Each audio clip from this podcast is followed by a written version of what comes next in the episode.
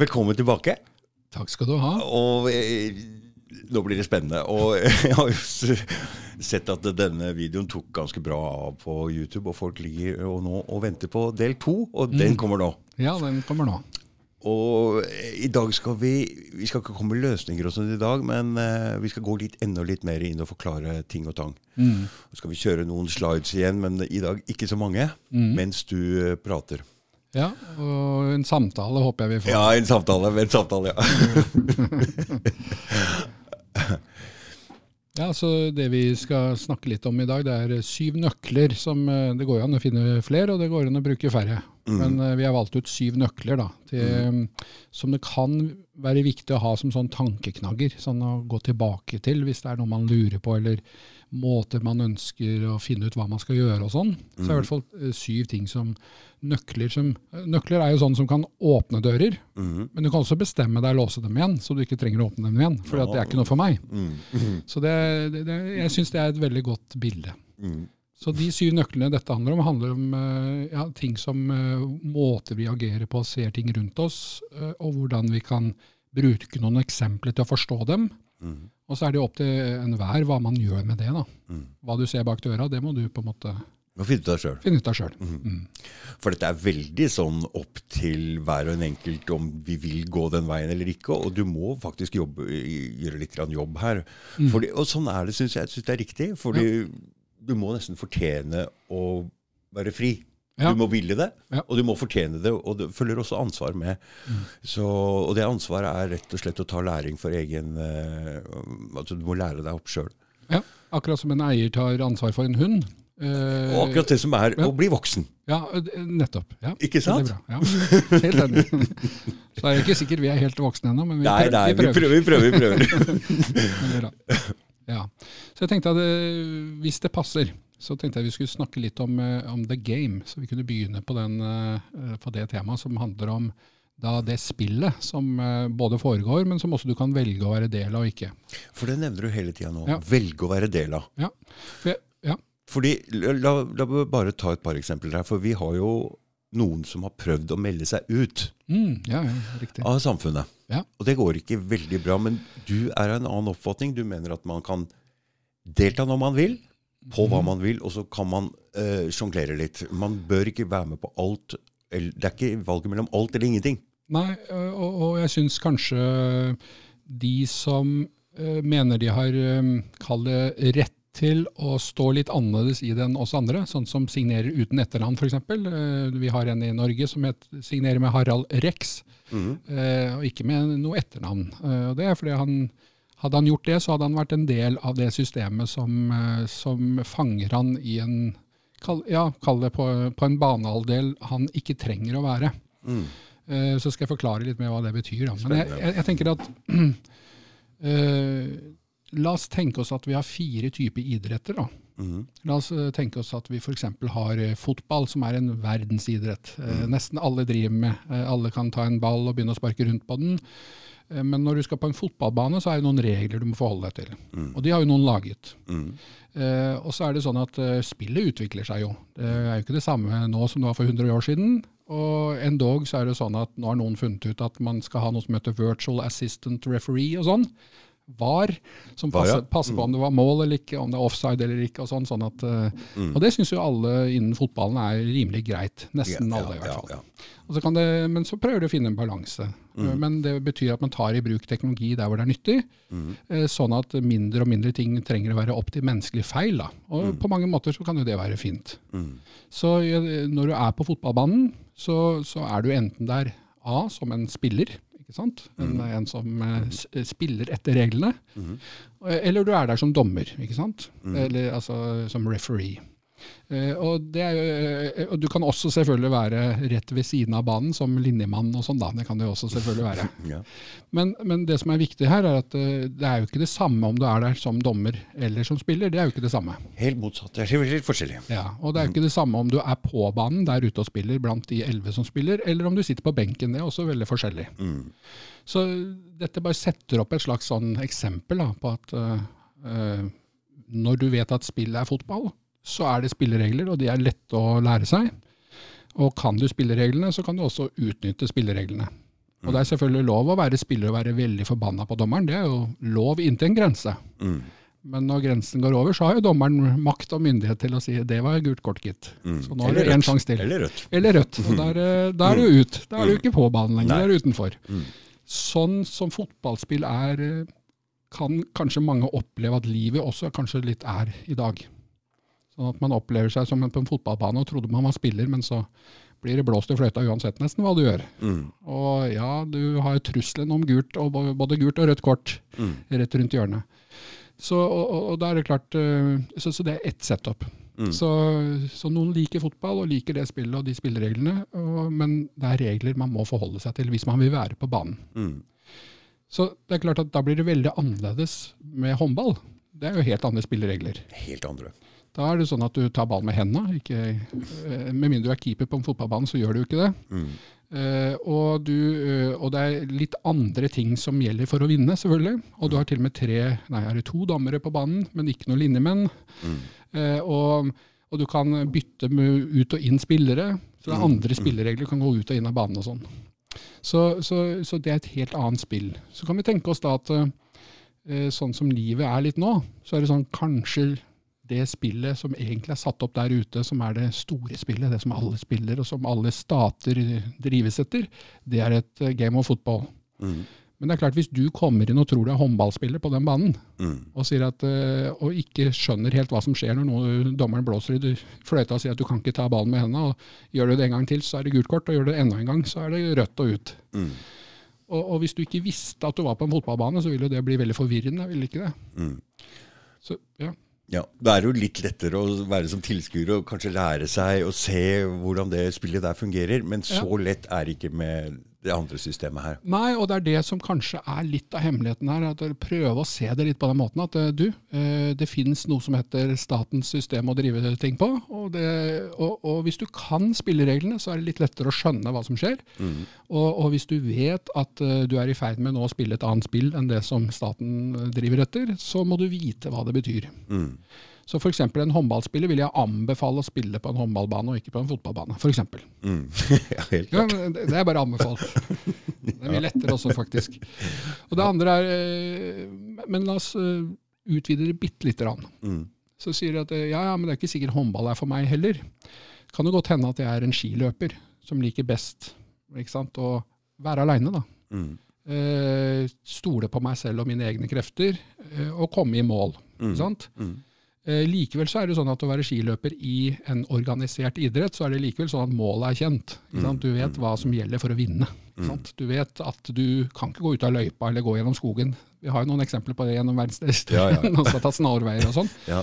Men, men, eh, eh, men det finnes spilleregler der også, selv om du er aleine og kanskje du ikke trenger å stole på så mange. og sånn. Noen syns det er veldig ensomt, mange nordmenn liker det veldig godt. Mm. Sant? Men så kan vi tenke oss da at det finnes enda et type spill, og det er da at eh, du you play no game i det hele tatt. Du bare sier jeg gjemmer meg borte i skogen og lever av det jeg finner, og jeg spiller ikke noe spill. Mm. Jeg er ikke med på noe spill hvor noen lager noen regler. Jeg har ingen regler, jeg. Nei.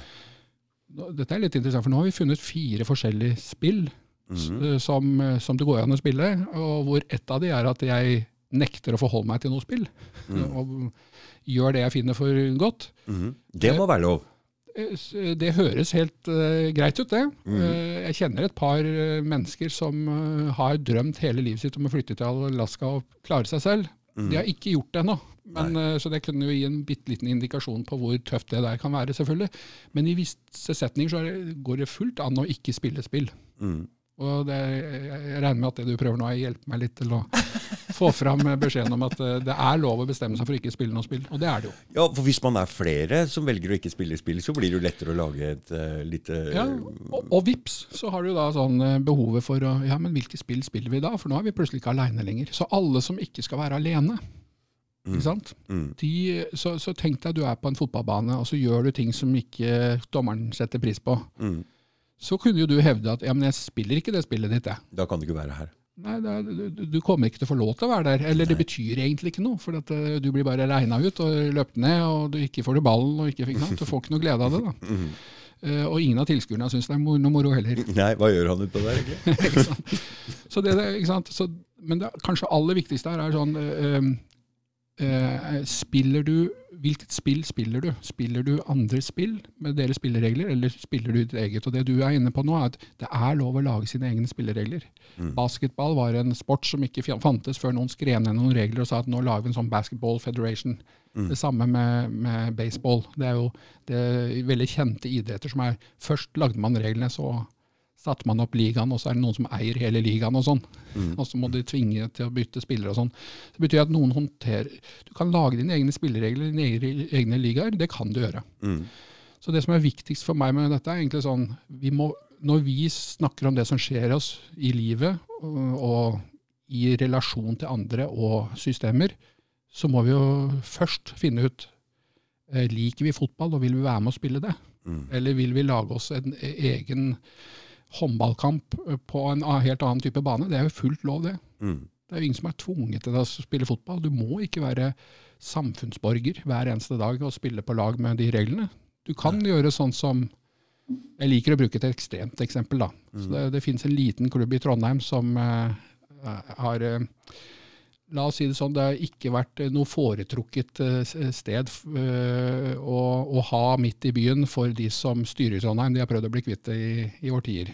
Jeg vet ikke hva det er. Det er en liten medlemsklubb hvor menn og kvinner, som ofte da er par, kommer på besøk. Ja. Uh, og så Siden de er medlemmer der, så låser de døren. og så Hva som foregår der inne, det hører man rykter om. Mm. at man kanskje til og med bytter litt partner og gjør litt andre ting. Sånn, ja. mm. men dette er jo helt til hårreisende bekymring for, for moralen og alt for, for, Trondheim og de som styrer Trondheim. Og kanskje til og med mange av innbyggerne der. Mm. Men det de egentlig demonstrerer, er at de har laget seg et håndballspill. Mm. Det de har demonstrert, er at de har laget seg en annen idrett.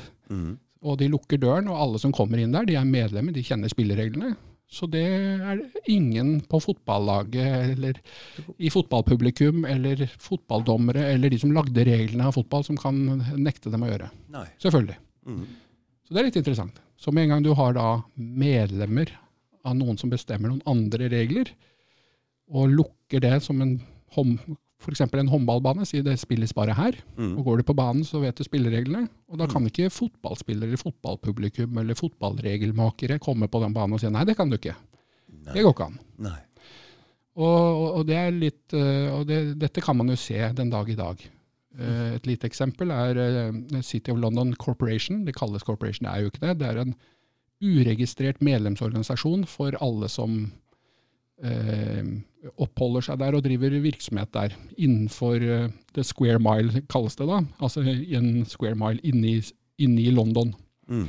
Det er jo en, mange, mange hundre, det er jo eldre enn London by, og det hører ikke til Storbritannia. Nei. Det skatter ikke til Storbritannia. De har sine egne valg, sitt eget politi, sitt eget vannvesen, brannvesen osv. Men så, så de, da, de sier nei, vi har, vi, en, vi har, laget oss en håndballbane som ikke er del av den større fotballbanen som heter United Kingdom, eller Great Britain for den saks skyld. Uh, vi heter The City of London, og vi driver og opererer der. og Derfor ligger det 854 banker med sitt hovedkontor der, som ikke skatter til noen britiske myndigheter. i hvert fall. Men bare øh, den medlemsklubben i Trondheim, mm. mm. siden den ligger i landet Norge, ja. så må den vel følge visse regler?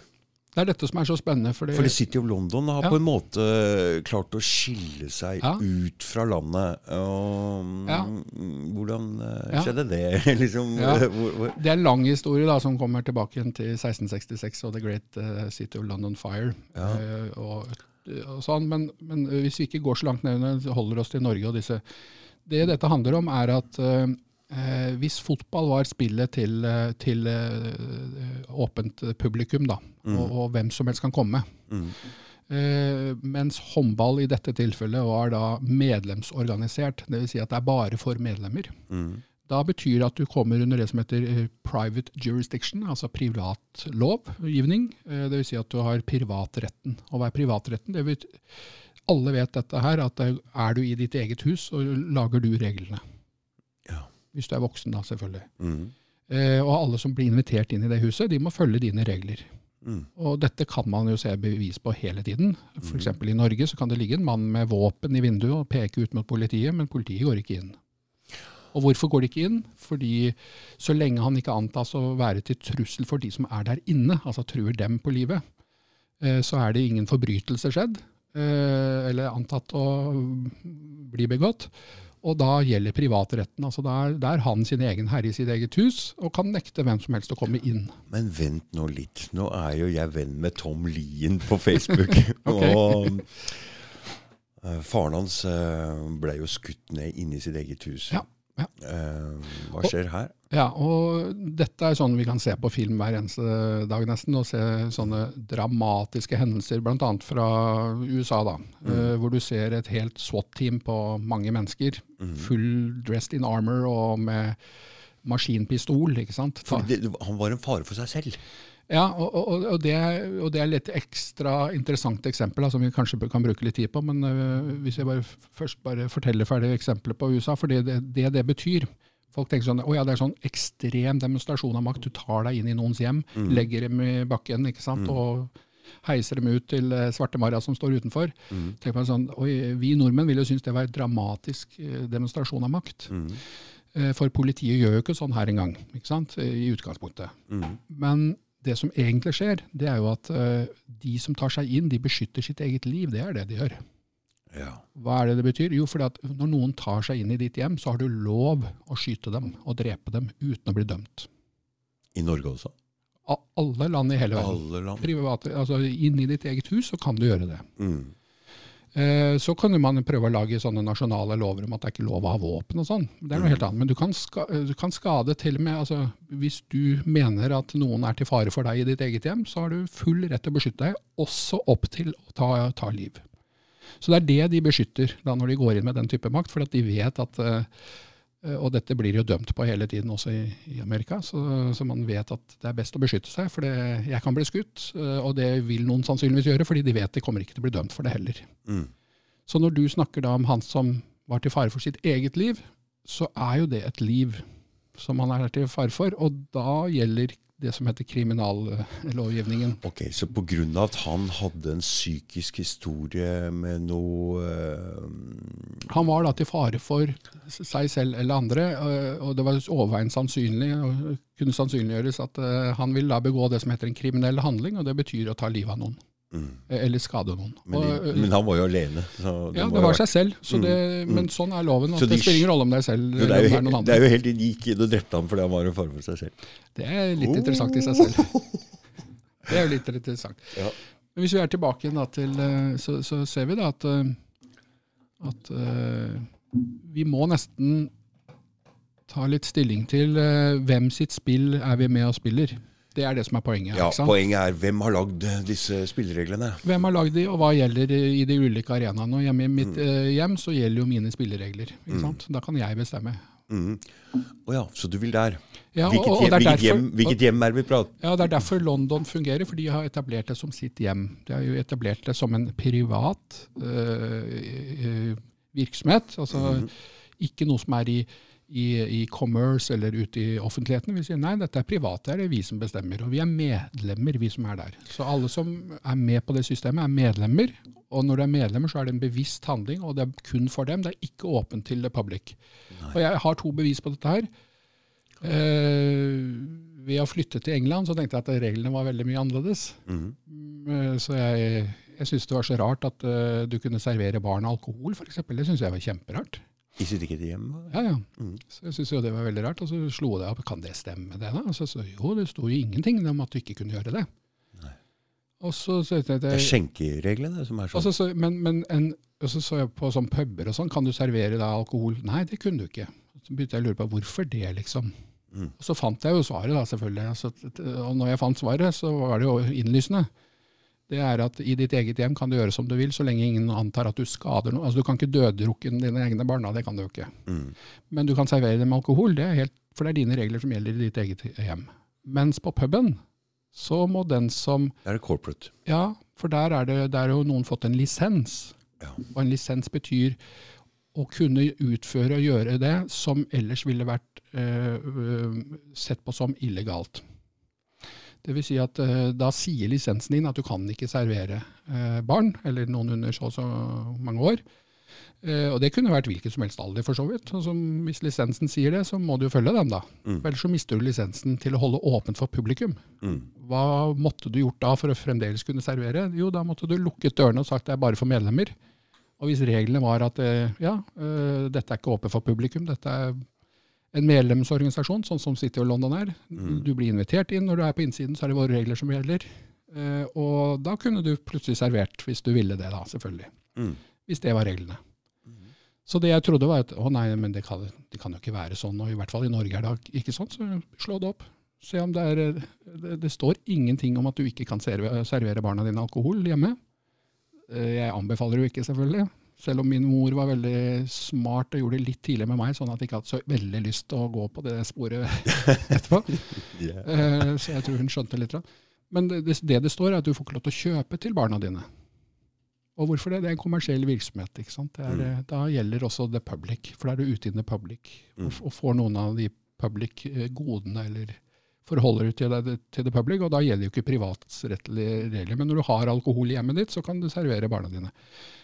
Dette bruker jeg bare for et eksempel. Ja, det skjønner jeg. sant? Mm.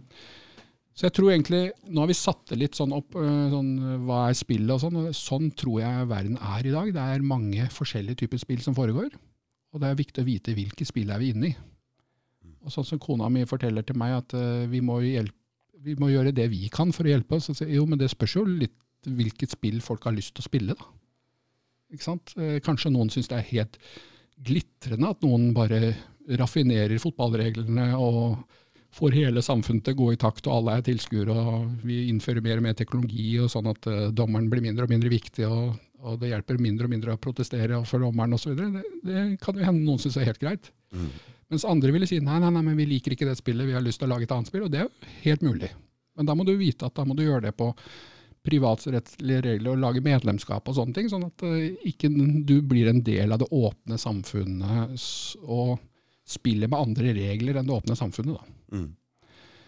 Eh, og så går det jo an å være skiløper, ikke sant. Det går jo an. Mm. Men det er fremdeles alltid noen regler å forholde seg til. Eller så kan du være sånn jeg spiller ingen game, og da står du jo veldig aleine. Og med en gang du prøver å, prøver å lage noe sammen med noen, så må jo uansett dere på et eller annet vis ha, bli, e bli enige om noen sånne spilleregler. da. Mm. Og da mener jeg det er du tilbake igjen på håndballbanen, egentlig. da. For at da, da lager du et spill som du har designet, som du sammen med noen har reglene på. Og det kan jo være litt sånn fight club, ikke sant. Hva er det man sier der? Altså, what's the first rule of fight club? Uh, there, there is no rule. ikke sant? Mm. Så, så, så det kunne jo vært reglene, men det er klart, over tid så ville det sannsynligvis vokse fram noen regler likevel, fordi folk ville ikke få det til, ikke sant. Sånn, Nei, eh, i hvert fall ikke hvis det blir mange, så må det være noen regler. Ja. Og det er spørsmål hvilke regler. Og der, men her har vi mye mer makt enn det vi tror. Så jeg tenkte det var liksom det neste temaet, at vi går over til å snakke om the power her. For at vi har mye mer makt enn vi tror. Tro, tror jeg, da. Ja. Og det, det er interessant. For, men, men, men, men um, Så det som så man kan lage en egen sånn medlemsgruppe hvis man f.eks. kjøper et område og Ja, Det er én måte å gjøre det på. mm, mm. Altså at du, du kjøper et stykke land og sier eh, Men da er det noen spilleregler da, som Ja, du må følge. ja, Da må du for eksempel, du må gjære inn land, du må gjære det inn. Mm, Sånn at det har gjerde rundt, sånn at det er mulig for folk å oppdage at å, hvis jeg tråkker over det gjerdet her, så gjør jeg en handling som ikke er helt naturlig. Jeg, jeg, jeg spjærer buksa mi, eller jeg kjører rett gjennom porten, eller, eller jeg åpner porten og går inn. mm, Du må foreta en hand, aktiv handling for å komme inn, og, og, og hvis det da er skiltet at dette er privat land, så er keep out og sånn, så, så må jeg jo det, da. mm. Uh, og det kan noen enforce mm, by force, ikke sant? Altså det, det vet du jo. Eh, Jeg er jo selv jeg er fra en kommune der hvor det er uh, både mye jordbær og mye plommer og mye epler og sånn, så det var jo veldig gøy å gå på slang uh, på kvelden og natta, selvfølgelig. Mm, mm. Eh, men noen av oss har, eh, vet hva det vil si å få en ordentlig sånn buckshot, eh, buckshot med salt i rumpa. Altså Er det det? ja, ja, ja. Så, jeg fikk det aldri, men jeg vet av folk som fikk det, og det gjorde skikkelig vondt. Så, så bonden ville jo selvfølgelig beskytte landet sitt, og det var gjerde rundt, og det sto at det var hans navn, og da må vi ta den risikoen, da. Mm. Så, så hva, hva- mener jeg med det? Jo, at Eh, du må gjøre det inn, og så må du merke det og si at det er privat land. Og så må du, og så må du selvfølgelig ikke koble deg til noen av de utenfor tjenestene. Da. Altså Hvis du kobler deg på kommunens eh, vannanlegg, så må du følge kommunens regler. Ja. Eller du kobler deg til strømnettet, eller Så det er jo utfordringen i dag, at det blir vanskelig og vanskelig å gjøre sånn. Men det heldige er da at i vårt samfunn så er det ikke bare det fysiske land som er det eh, eneste måten da å kunne lage sine egne spilleregler på. ja, for det er også sin egen kropp. Det kan være sin egen kropp, ja. Og det kan være virtuelle ting. Det kan være Medlemskap kan jo være en klubb som ikke møtes fysisk. Det er jo fullt lov. Da er det fremdeles eh, innenfor kall det det huset dere har definert. Så lenge det er sånn keep out. Hvis du kommer La oss si det var på internett, da, så måtte du da ha en sånn Ja, hvis du skal inn her, så er du medlem. Det vil si at du må bli, med, må bli medlem først.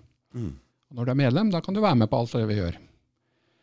Det, så, så hvordan spiller dette i forhold til fotball og håndball og alle disse tingene? Jo, nettopp um, Vi har mye mer makt enn vi tror, da. Sant? Eh, la oss ta et lite eksempel her. Du kunne tenkt deg at du spilte et game of football, og så var du spiller på banen. Og så sier alle spillerne du, eh, den der nye La oss si noen foreslår at du skal ha en sånn chip i armen som gjør at de sporer alle spillerne og vet hva de gjør til enhver tid. Mm. Så vet jo spillerne at det kan også brukes utenfor banen, så det syns ikke de var noe gøy. Så de sier nei, det gidder vi ikke. Og så går de av banen. Hvor mye fotball er det igjen da? Da er det ingenting. Dette er det mange glemmer i dag.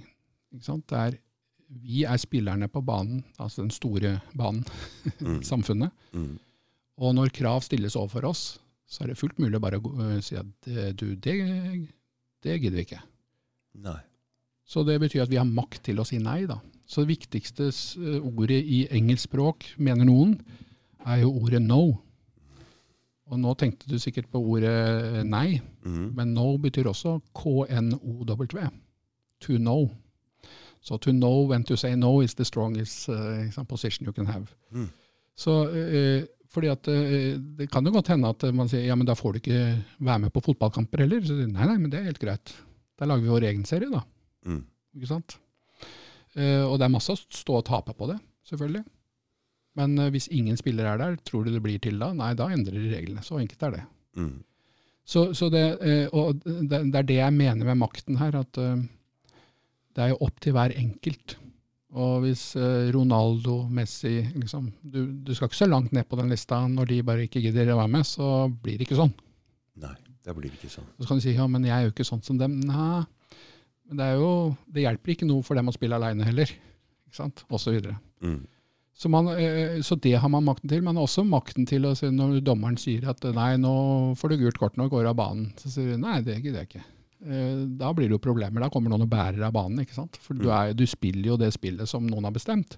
Så må ikke, må ikke bli overraska over det. Dommeren er jo der for å passe på at det blir et spill. ikke sant? Så, så, så, men du har jo makten til da å lage deg ditt eget spill med dine egne dommer. Det, har du jo, det kan du gjøre når som helst. Mm. Eh, og så er det jo litt viktig, det er jo sånne rule makers, de er jo ikke på banen i det hele tatt. Hvem er det som egentlig bestemmer hva Ja, fotball er? det? Det, det, er det er noen bak scenen som da lager lovene og reglene for hvordan fotball skal fungere. Mm. Innfører VAR og denne virtual assistant referee og sånn som, som dommeren kan hvile seg på osv. Det er klart, det går jo mer og mer den veien. Nå har jo alle spillere på fotballbane i Premier League, så vidt jeg vet, har en sånn vest på seg under ja, drakta, ja så hvor de sporer alt hva de Ja, gjør, og, og legger det rett inn i sånn Fifa Ja, ja, ja, fotballgame ja, ja. og sånn, så du får se hva alle gjør. Og, og det er jo der de oppdager med en gang at Haaland er uh, utenomjordisk, eh, for det er ingen som er som han. Uh, Nei, hvor fort du beveger deg osv. Det finner du ut med en gang, når du bare bruker en datamaskin til å finne ut det. Mm. Så, så, så poenget er at det, det er forskjell på the rulemakers og the referee og the players. Det er veldig forskjell. Og vi må vite hvem vi er. Mm. I no, i, hvis vi velger å lage et game of handball, handball så er vi rulemakers når vi velger å lage det. Mm. Der kan vi velge vår referee, og vi kan velge om vi vil være players or not.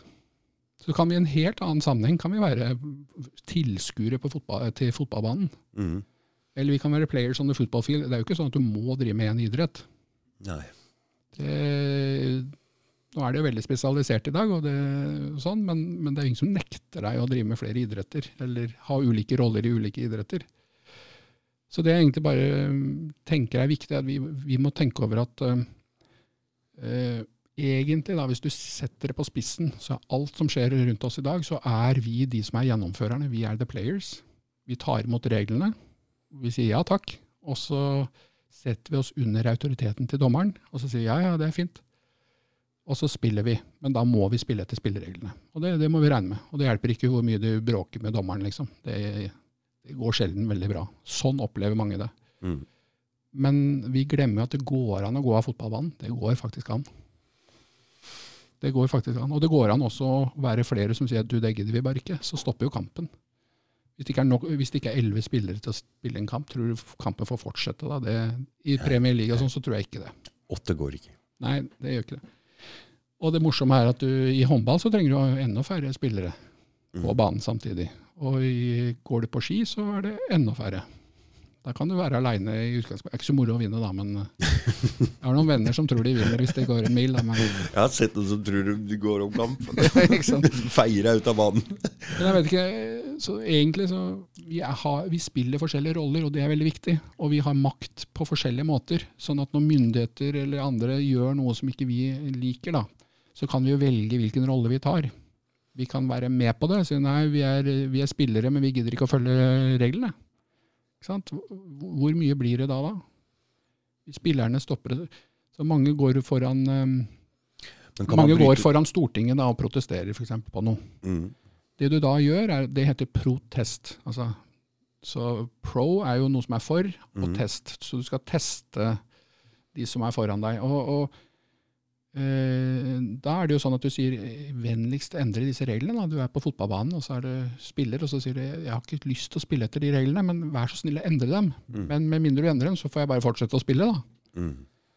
Så jeg tror fotballspillere ville litt lettere da si at du, det der går ikke. Det gidder vi ikke være med på. Da går vi av banen. Men hvordan går man av banen? Jo, det er mange, Da er det jo flere måter, ikke sant? Er, som vi allerede har gått inn på. Men, eh, men, kanskje det Ja, du kan lage et eget spill. Mm. Du kan si at nei, nei, jeg driver med langrenn, jeg, så jeg klarer meg fint aleine med min lille familie, og vi vet uh, hva som gjelder. Mm. Eller vi kan selvfølgelig også helt gjemme oss bort og si at ingen finner oss, og vi gjør som vi vil. Mm. Um, men det aller viktigste er at vi har flere muligheter. Og det, det aller viktigste å vite er at det, det er ingen myndigheter eller overnasjonale organisasjoner som bestemmer over oss. De gir oss en ordre. De lager en, en, noen regler som vi kan si ja til å følge eller ikke. Men det eh, til og med mandat. Slå opp det i Blacks Law Dictionary, så finner du at det er mandate. Det betyr at det må være konsent. Altså, det er ikke sånn at det er påtvunget. Det, er, det heter påbud på norsk. da. Mm. Det betyr, ja, det påbudet er det er nesten som å regne som en anbefaling. da. Selv om det ikke sier anbefaling. Det er litt strengere enn anbefaling. å si at dette hadde vært fint om alle gjorde, for da ville det gått bra. Sånn som, det er derfor det er påbud i trafikken. Men, eh, og, og, men, når du blir stoppet og blir ilagt en bot, så blir du spurt om antar du denne boten. Mm. Antar? Altså, er det antagelig du mener? Altså, hvorfor tror du ordene er antatt og sånn? Jo, det er fordi at uh, ingen kan tvinge deg til å skrive under på at den boten tar jeg. Nei. Det er et valg du har. Men når en politimann står der, så er det ofte at man sier jo, men jeg følger spillereglene som er lagt. Men mitt, mitt hovedpoeng med det med makt er at vi er Det er jo vi som er de som utfører alle ting som the lawmakers eh, lager. Det er vi som utfører absolutt alle ordre. Det er jo ingen statsminister som, eh, som tar på deg maska når du går inn i butikken. Det er ingen statsminister som eh, putter vaksinen inn i armen din, eller tar imot vaksinen i armen din. Nei, for da mener du at alle politimenn, alle helse... De er også spillere i dette? ikke sant? Ja, ja, så kan du si det, hvis du skulle bruke eksempel, så er det kanskje litt som dommeren, da. Altså på fotballbanen. At du har masse dommere som løper rundt og passer på at eh, spillerne gjør som eh, de blir bedt om. Mm. Men det er jo helt frivillig om du som spiller gjør det eller ikke. Mm. Det er bare at det er ikke sikkert du får lov til å være på banen hvis du gjør det. Mm. Altså det vil si at uh, du, du, må finne andre måter å gjøre ting på. da. Mm. Men, men, uh, men, vi er både da ordre Hvis uh, folk slutter å ta ordre, så stopper jo alt. Mm. Det blir ikke noen innføring av nye lover hvis folk bare sier det, det er hyggelig å høre at dere har noen tanker om hva vi burde gjøre, men vi velger noe annet. Vi sier nei takk, vi. Mm. Hva skal lawmakers gjøre da? Og så er det noen som tror at da må det være alle, for da må de høre. Ja, men høre, altså det er igjen gi makten tilbake og si at det er de som bestemmer over oss. Sånn er det jo ikke. Det er, vi bestemmer over oss selv. Så en fotballspiller kan jo velge om han vil spille fotball eller ikke. Kan ikke tvinge han til det. Det er til og med sånn noen har prøvd å tvinge noen til å bytte lag. Det går jo heller ikke. ikke sant? Nei. Sånn at, eh, men det betyr også at vi er våpenet som noen har å bruke. Vi anmelder hverandre, vi sladrer på hverandre. Vi, det heter jo Stasi i, Øst-Tyskland opp til 1980 et eller annet. Eh, så da er det liksom Spillerne snur seg mot hverandre og passer på at de ikke gjør feil. Men det var jo det dommeren var til, var ikke det egentlig? Så hvis hun gjør oss til dommere også, da blir jo vi våpenet som kan brukes. Så vi er både da ofre, og så er vi våpenet, og så er vi de som gjennomfører det. Så vi er eh, både bøddel og, bøddel og giljotin og, og offer på en og samme gang. Det er jo bare oss. Så hvis en av de blir borte, du tar bort våpenet, eller du tar bort eh, du tar bort eh, deg selv som en undersått som bare utfører, altså executioner, eller du tar bort deg som offer, du er borte fra banen, så det er ikke mulig å ta deg, så faller jo dette sammen. Jeg skjønner det sånn i prinsippet, men er det så lett hvis vi, om, hvis vi går over til samfunnet igjen, Ja, da, ja, ja. hvordan, um, hvordan uh, skal man uh, Ja, For nå er det jo en del tvang på gang. Ikke tvang, men det er en del Ja. press på gang her nå med både masker og vaksiner Mm. og Ja, uh, Men det der er litt interessant. La, la oss bruke det som eksempel av smittevernloven, f.eks. For, Ja. for den kan man sammenligne med trafikkloven. ja. Og i trafikkloven så er det sånn at eh, den, den gjelder jo alle borgere i det norske riket. Mhm. Eh, men den gjelder, det er jo ikke du som får bot hvis en, eh, en, eh, en sjåfør av en bil kjører for fort. Hvis du går på, på, på gata. Mm. Hvis du er pedestrian, som det heter i, i, i det systemet i, i England. Men du er da så, så ja, alle lover gjelder alle borgere. Men det gjelder jo bare de som har den statusen at de er i den situasjonen hvor det gjelder. Ja. Så trafikkreglene gjelder jo ikke inne i ditt hjem, f.eks. Det gjelder deg når du er i trafikken, men da må det defineres hvilken rolle hadde du i trafikken. Var du passasjer? Var du fotgjenger? Var du eh, fører? Eh, eller var, ikke sant, osv. Mm. Og jeg merkte, Her er det ord som er lett definerbare i lov, Mhm. eh, men som ikke er ofte på folkemunne. Jeg sier jo ikke at det, du, jeg, jeg, var en, jeg var en passasjer av en bil i går. Det, Nei, nei. det er veldig sjelden du sier. Eller jeg var ikke føreren av motorkjøretøyet. Det er jo ikke sånn vi snakker. Men Nei. loven er sånn. Loven er sånn, ja. Så det betyr at i smittevernloven så er det det samme. og Nå vil noen protestere veldig høylytt, men eh, jeg testet dette litt selv. Da. Og man må jo alltid leve etter det man ser selv. Så hvis du ikke er å regne som syk, eller ikke regner deg som selv som sannsynlig syk, så er du ikke i trafikken, da, eh, hvis du skjønner hva jeg mener, mm. i smittevernloven. Da er ikke du en fører eller en passasjer eller en, en fotgjenger. Det er du da ikke. Nei. Eh, Så for at lovene skal gjelde deg, så må det antas at du er syk. Eller til fare for noen. Mm. Og hvordan kan vi anta det? En, jeg frivillig tar en medisin som sier du, jeg trodde jeg kunne være syk, nå håper jeg at jeg kan bli friskere. Mm. Da gjelder hele smittevernloven deg. Mm. Eller to, du, jeg tar på meg en maske som signaliserer, og der er man, legg meg til hvor nøye man er, man sier at det hjelper, ikke, det hjelper ikke deg mot smitte.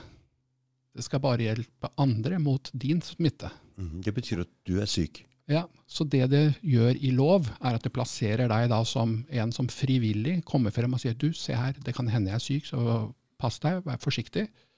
Oi, smittevernloven gjelder meg. Så all tvang da som kommer inn i, via smittevernloven, det gjelder jo bare de som kan antas, som signaliserer eller kan antas å være til fare for andre, altså være smittet av et eller annet. Mm. Så det betyr at eh, hvis du verken vaksinerer deg eller, eller um, foretar deg en eller annen form for handling som gjør at vi kan anta at du er til fare for andre, eller du selv mener det, så gjelder ikke loven deg. Så enkelt er det. Åh. Men er ikke det litt gøy? Jo, det er veldig gøy. Men det, men det er også litt, øh, litt skummelt, da. På en måte, for det betyr at du må hver eneste dag stå altså, Legg merke til det presset du får da. Du går inn øh, hvilken som helst uten maske, øh, og så vet du at det er jo fordi at jeg har ikke lyst til å bli frivillig eh, tatt under tvang. Kanskje ikke i dag, kanskje ikke i morgen, kanskje ikke neste måned, men kanskje neste år.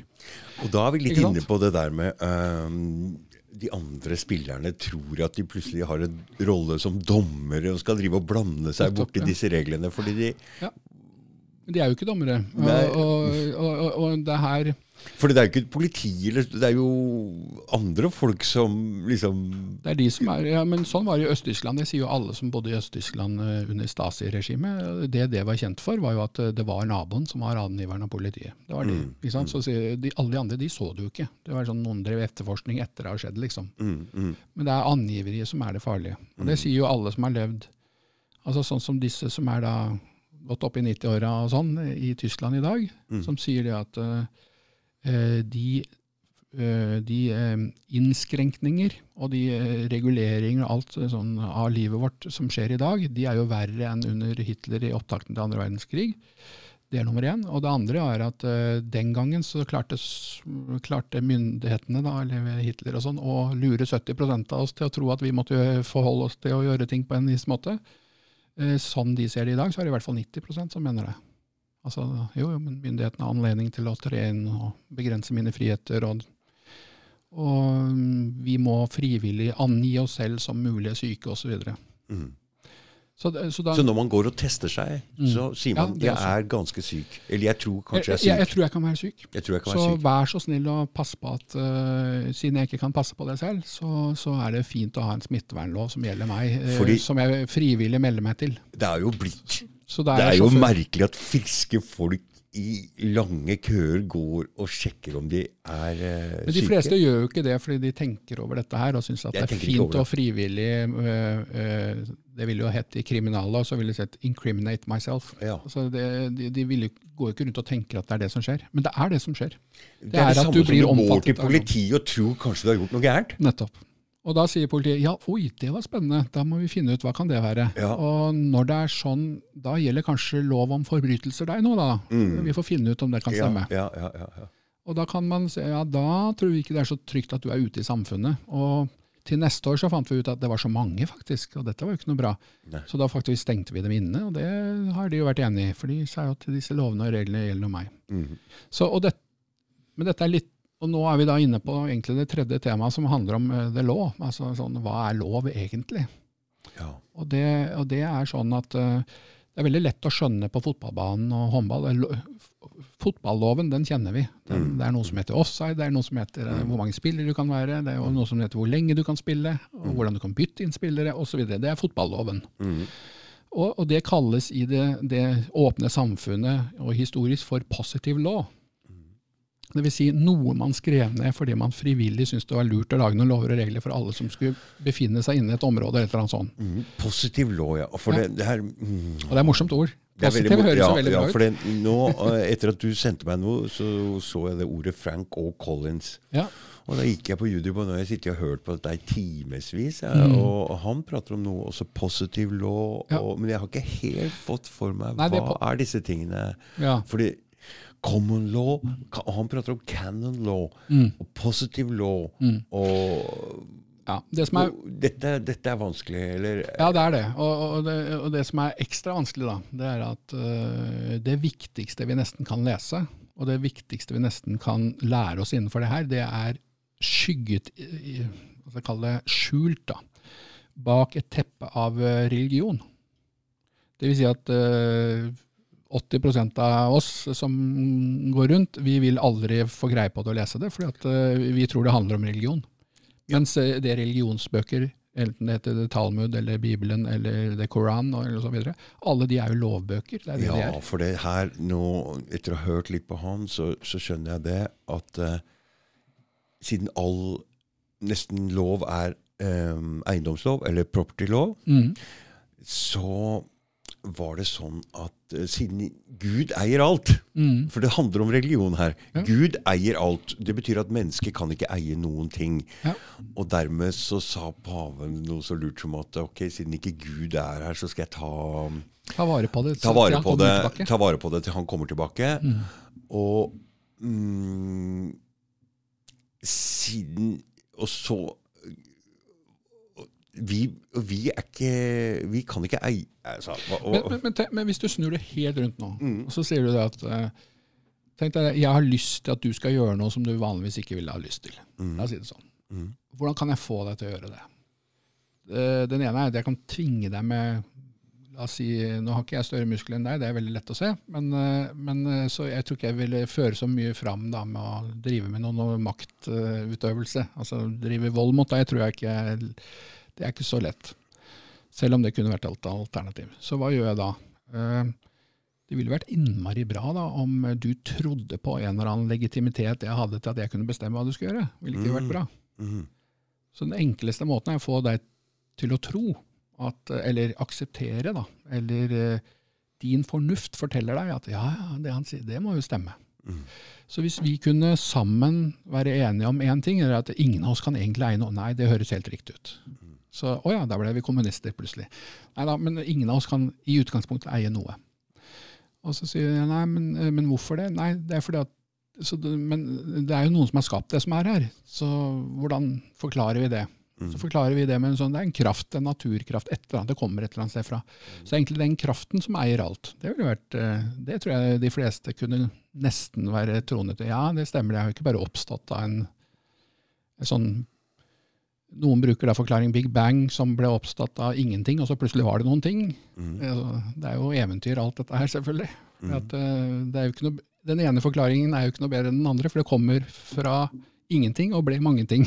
Uansett hvilken religion eller vitenskap eller sånn du følger historisk, så er det jo det det handler om. Det oppstår noe fra ingenting, og det klarer ingen å forklare. Mm. Og da, eh, og da, er det sånn, Hvis vi to da kunne bli enige om at ja, da er det en sånn kraft som ikke vi vet hva er, og la oss kalle den Gud, da. Mm. Så da er det han som eier alt, eller den kraften som leier alt. Mm.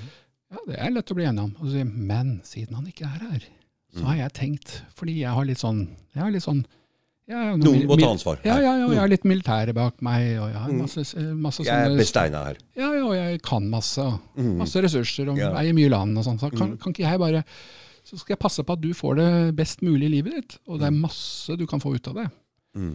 Eh, du kan jo få, du kan få, Hvis du betaler litt skatt, så skal du få litt mer sånn beskyttelse, f.eks. Mm. mm. Som Cæsar gjorde i, i, Roma. Og sa at uh, det kan jo hende at din, din eiendom ikke brenner ned hvis jeg som brannmester passer litt godt på. Mm. Uh, by the way så har jeg en politisk agenda, og den syns jeg kanskje du skulle donere litt til. Mm. Og sånn kommer man til makten. så, men, men eh, så, så, mm, ja, vi måtte finne et eller annet sånt narrativ. Da. Så det er det som er positiv lov, altså at vi tenker eh, det er, det er, jo fine ord som er brukt. altså At vi skriver ned noe vi er enige om, som er spillereglene. Så alle former for lov som uh, en mann eller kvinne har skrevet ned og blitt enige om sånn er loven, uansett hvor det er hen, det kalles positiv lov. Mm -hmm. Så det er, det er, laget for å kunne Jeg mener jo da at det er laget fordi at man har en, ikke bare et ønske om at det skal komme deg til gode, men du skal akseptere at jeg tar makten, og så kan jeg bestemme om du får lov til å gjøre sånn eller sånn. Og nå gjorde vi det på en sånn litt ordentlig måte, og da blir det bevist at ordet er mektigere enn sverdet, fordi at uh, vi skrev det jo ned. Og siden du forholder deg til det som er skrevet ned, så er jo det mye bedre enn å komme med sverdet og true deg. Mm, for da må vi gjøre det nesten hver dag. for det, det er jo ikke skrevet ned, så du vet jo ikke hva du skal gjøre engang. Nei, og en, lang, en eller annen gang så går jeg og prater med noen andre og blir forbanna nok til å ta deg bort. ikke sant? Når ja. du blir trua og pressa sånn. Hvis ikke så må det kues noe. Eh. Ja. Er det bedre å ta uh, bort alle våpnene i befolkningen og så passe på at det er vi som har de, så vi har de bak eh, speilet her hvis det, hvis mm. det skulle være noe. Mm. Men Så det er positiv lov. da. Og Så kan du si da at, eh, så det har jo vært sånn i århundrer og årtusener. Så har vi hatt da Talmodic law. ikke sant? Du har Eh, og så oppstår jo da katolisismen. Altså å være catholic, eller altså catholicism, det betyr jo uh, unified, altså å være ensrettet. Så det det, det det, det prøvde å være, var en samling av alt som eksisterte før. altså Talmud, Diklo, alle disse tingene. Prøvde å samle det under på en måte ett rike. da. Mm. Det var der det var så viktig at paven sa at uh, siden Gud ikke er her ennå, men mm. han har lovet å komme tilbake, så kan jeg passe på i mellomtiden, og da eier jeg Mm, mm. alt land. Og så kan jeg fortelle hvem som får bruke de ulike typer positive lov i deres kalle territorium. Eh, og så kaller vi de konger. Og så er det en marriage between uh, church and king. Mm.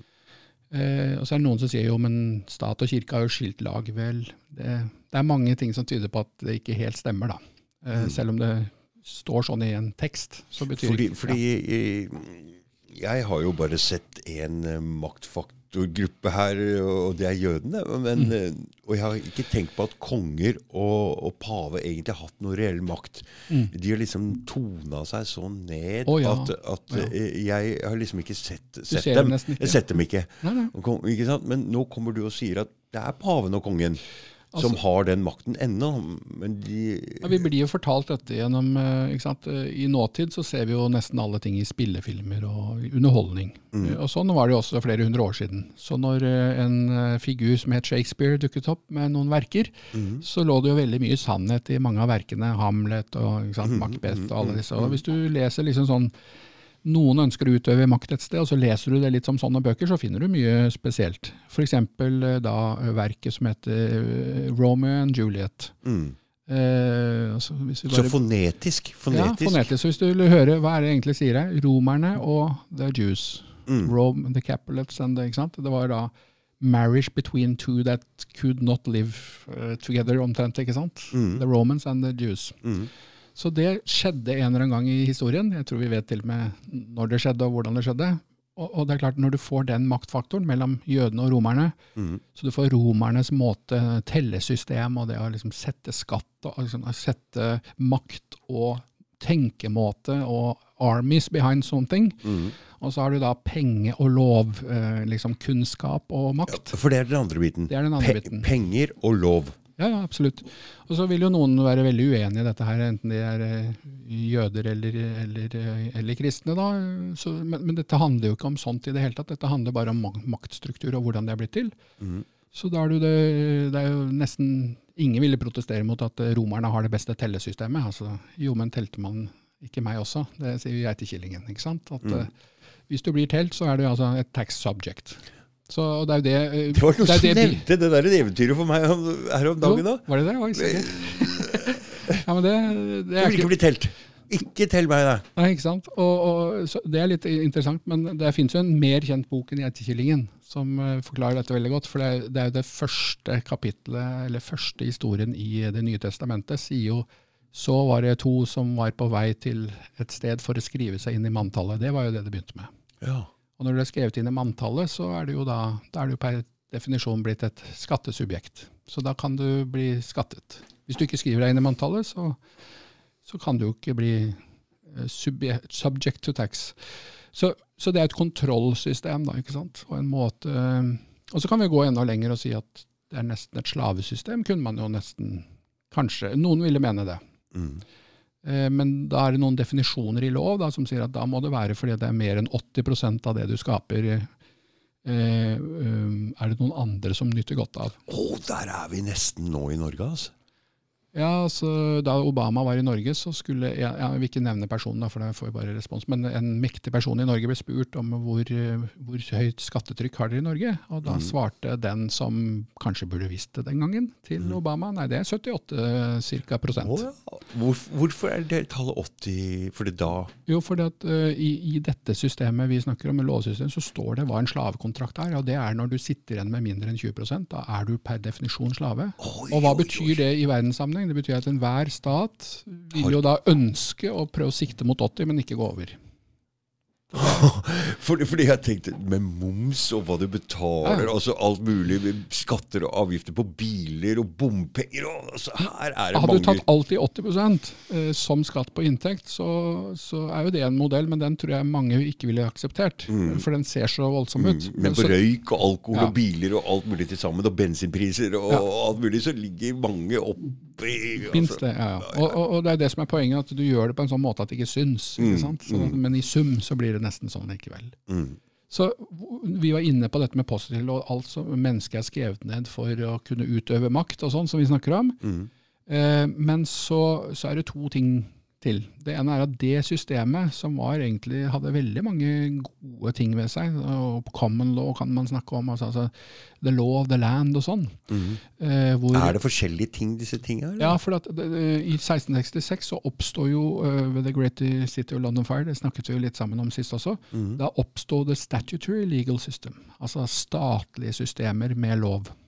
Og da ble ordboken startet, The Black's Law Dictionary. Black, black betyr jo death eh, på lovspråk, så det er veldig pussig at det heter Det dødes lov Dictionary. Er ikke det litt morsomt? Mm. Jeg trodde det var en mann som het Black, eller noe sånt, men det er det jo ikke. Men hva er, den, e- hva er det der egentlig, The Black Law Dictionary? Det er da ordboken som definerer alle legal terms, og brukes i hele verden. F.eks. en person. Men det er jo ikke noen jurister og sånn. driver- Har de den boka, eller? I Norge så er det vel ikke nødvendigvis så mange som har den, men de som, eh, de som eh, Altså eh, The Bar Association, som er da British Accreditation Registry, som de driver i hele Commonwealth da, og, og, og, og styrer um, kall det lovsystemet med, med disse ordbøkene og med ja, systemer for det. Uh, så blir det det er ganske mange nivåer til da, som ikke er tema for denne praten, tror jeg, for det blir for langt, men om hvordan det da uh, trickle down til Norge og andre. For Det skjer på forskjellige måter. Jeg kan ikke alle heller, eh, og jeg har kanskje ikke gått lenge nok gjennom det til å kunne snakke så mye om det heller, men jeg har oppdaget at det er sånn, da. At eh, det er Fra The City of London så styres det legale systemet i hele verden.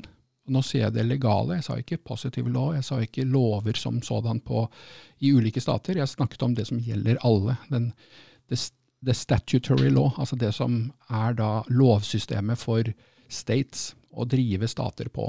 Du kan tenke deg Hvis du har en McDonald's-oppskrift da, på hvordan du skal opprette og drive en McDonald's-restaurant, Mm. så er det fint å dele den med alle som skal drive det, Mm. rundt omkring i alle land. Og så oppdaterer du den og driver, passer på at de er opplært i det og driver det, uten at kanskje noen som går på en McDonald's-restaurant vet at det finnes en sånn lov i det hele tatt. Men Eller sånt system. Går, hadde det gått an å fått en oversikt over de forskjellige lovene? Positiv lov, Det går an. common law øh, Men det som litt, jeg finner litt utfordrende med det, det er at uh, de fleste bare avfeier det med en gang. For at med en gang du putter inn et ord som sier catalysism eller canon law eller ecclesiastical law, sånn, som, eller talmudic law, sånn, så tror de det handler om religion. Uh, Mm. Altså trossamfunn. mm. Og på en måte så har de jo rett, da.